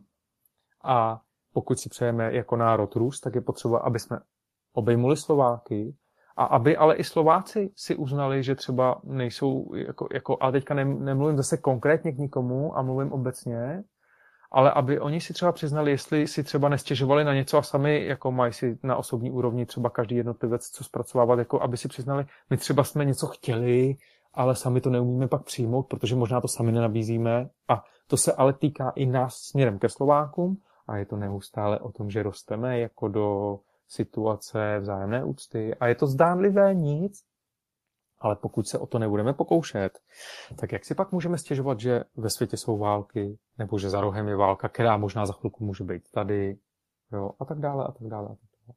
tak nevím, Tomáš, jestli jsem vám odpověděl. Ano, děkuji velmi. A nevím, jestli má eh, pan Ježek nějakou otázku teďka. Pokud ne, tak bych položil ještě já. Ano, děkuji za slovo. E, já jenom, vážení pánové, podotýkám, že máme už asi jenom 14 minut. E, uběhlo to jako voda. Já už nějakou dobu uvažoval, e, jestli pustíme nějakou písničku nebo tak. Nicméně, teď už asi, já tedy navrhuju, že už asi dneska to dotáhneme bez té písničky, co vy na to? Mm-hmm. Já teda taky souhlasím a mm, poprosím vás oba dva pánové, jenom doplním teda, když jsme se bavili o tom vojenství a že důstojníci byli vlastně součástí nějaké vlády a že to je vlastně propojené a víme, že takhle to bylo i, i v Německu, když se formovaly události před druhou uh, světovou válkou nebo po první světové válce politická situace neustále jako, jako, jako jak to říct, politické vlivy uh, součástí uh, vojenství a, a, jak bych to řekl, jako můžeme to, na, jako z jednoho pohledu to může být armáda, z druhého pohledu to můžou být teroristé, jo, záleží, kdo se na to z jakého úhlu pohledu dívá, jako jo, ale já bych k tomu jenom um, uh, dopověděl, že jako jsou zde, existují na planetě různé, různé, um, jak to říct, uskupení. A teďka, kde je pravda? Které čemu slouží a je potřeba si v tom udělat jasno.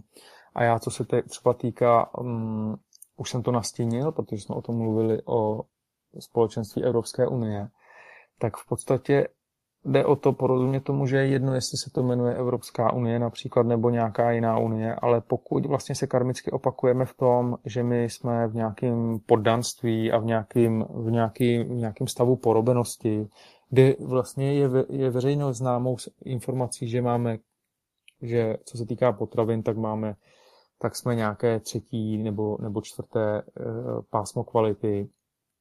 Uh, všichni ví, že v Rakousku chutná čokoláda jinak než u nás a já si jako, jako otázka je, proč by to tak mělo být.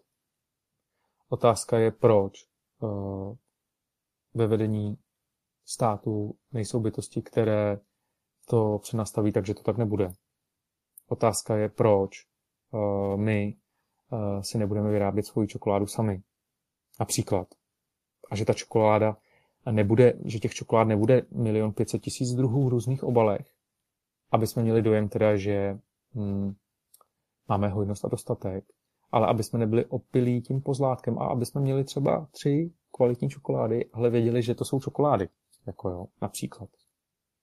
A ne třeba jenom tuk obarvený, který jako čokoládu neviděl ani z vlaku. Uh, další věc, s tím souvisí ohleduplnost k matce přírodě, protože nevím, proč bychom se spolu podíleli na ničení pralesů jako jenom kvůli tomu, že jako spotřebováváme nadbytek palmového tuku, který se tváří třeba jako čokoláda a čokoláda to není a tak dále. Ale to jsou fakt témata. Ale jak už, jak už, jak už uh, společenství jako Evropská unie, které, které jako já sám za sebe jako vítám v tom smyslu pro kulturní, pro národní, pro uznání vzájemné úcty, tak já říkám, že pokud toto společenství uh, nebude, nebude, nebude, nebude, jak to říct, respektovat uh, otázky pro národní a pro lidské na prvním místě před otázkami ekonomickými, tak to společenství vlastně samo o sobě nemá pro náš národ význam, proto je třeba ho opustit. A ne jako hm, z pomsty, anebo s urážkou, jako vy nám neplníte to, co chceme, my tak my jdeme uražení pryč. Ale jde, je, jde o národní uvědomění. A hm, to není nic proti nikomu osobního. To je prostě, to souvisí jako s tím, jestli jako se máme rádi. A s tím, jestli máme rádi i, i, i ty, které opouštíme, protože jedno z mých hesel zní miluji tě, proto tě musím opustit, ne proto, že tě nemám rád, ale proto, že se třeba chováš v mé přítomnosti nedůstojně a nevhodně a díky tomu ty nemůžeš zjistit, že bys mohl jako třeba v té otázce dospět a zjistit proč, protože většinou, když já tam budu klečet a přemlouvat tě, pojď se se mnou domluvit a já tě mám rád, tak vlastně, když je to nezralá bytost na druhé straně a má možnost vám dominovat, tak ona, ona, ona se nezmění, když nemusí. Takže je třeba opustit ve vztazích. To, a to se děje i na základní úrovni, to, co jste možná zaznamenali v, těchto dvou a půl, třech letech, že vlastně hm, se vám udělalo líp, když jste opustili některé bytosti, které jako uh, vám nedávali už smysl a oni a možná už se zaregistrovali to, že některé vlastně něco si jim najednou pochopili a díky tomu se vracejí a říkají ty vlastně, a ty jsi to tam myslel takhle a najednou no, ale ty jsi to nechtěl vidět.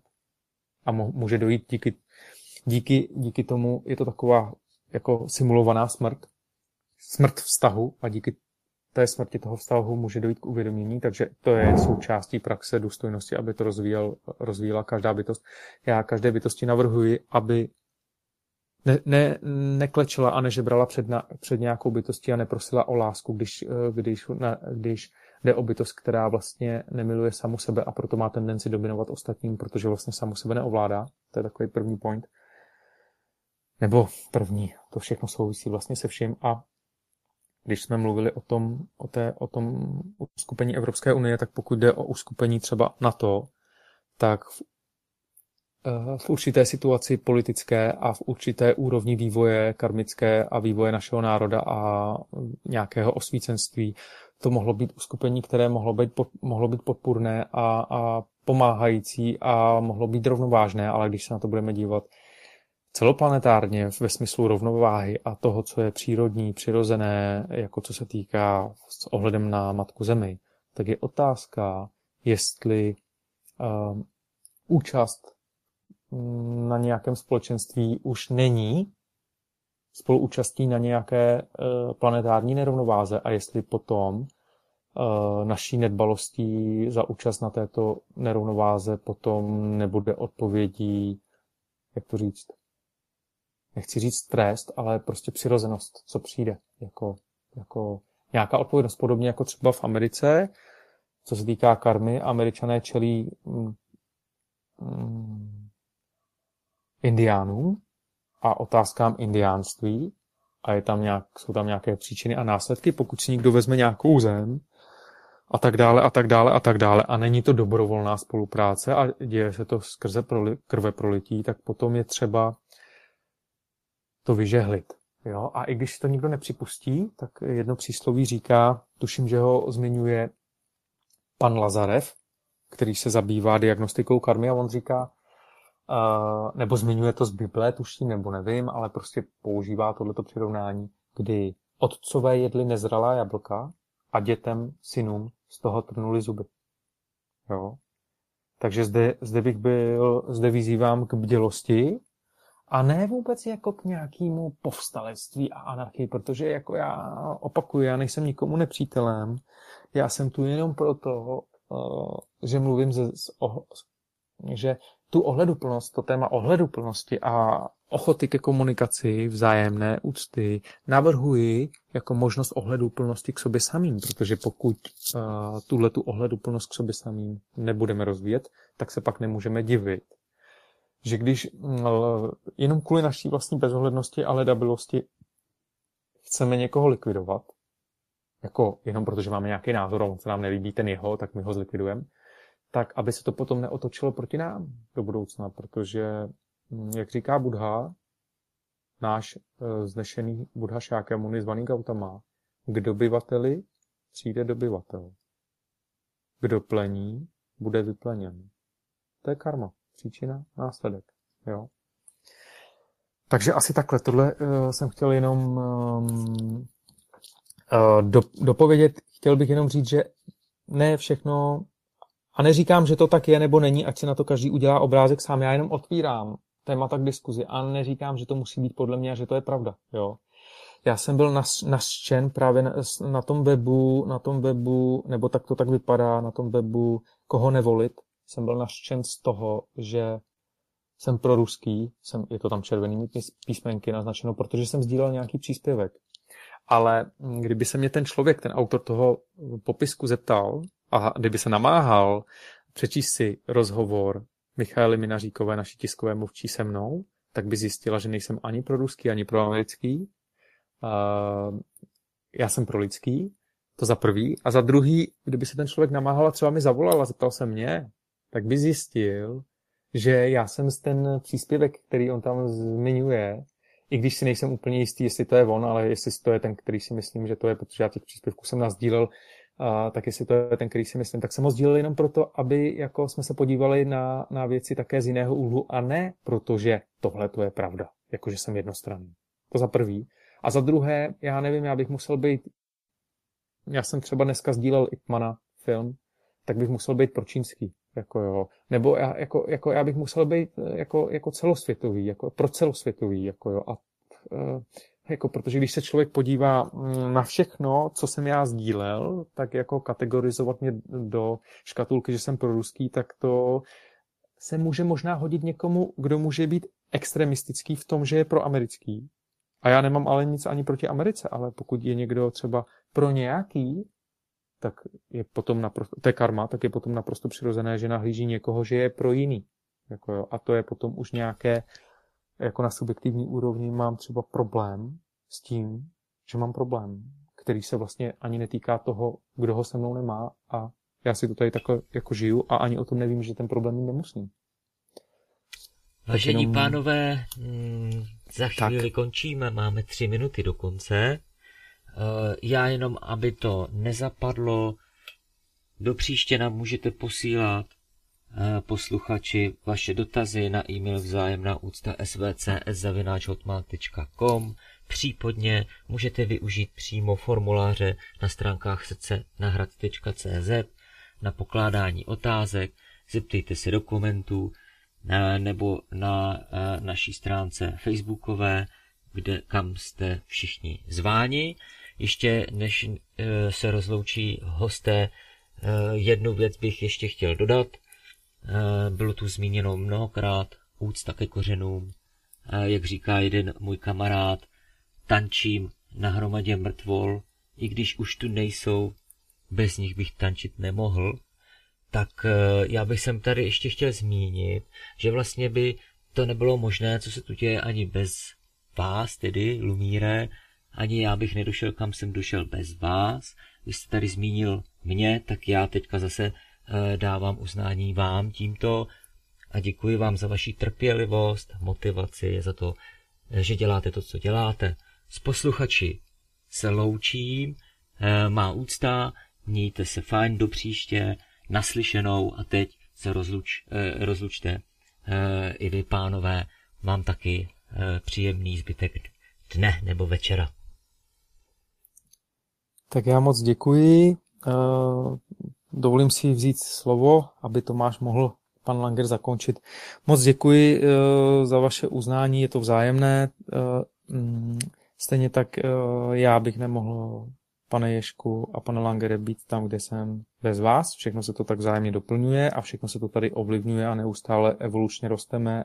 Jsme na vzestupu do světla, do stavu nirvána a mm, na nikoho netlačíme, otvíráme témata k tomu, aby mohly být transformována, realizována a, a čekáme na uvědomění a e, naše cesta by nebyla tou správnou cestou, pokud by e, měla být někomu narvána na stílu. Takže já také děkuji za vaši přízeň, pozornost a přeji vám všem, aby vás štěstí, láska, vzájemná úcta a respekt vašich bližních neustále doprovázela, ať jste si neustálou vzájemnou oporou a podporou. Mějte se krásně, nashledanou. Já se také loučím, mějte pěkný večer, nashledanou.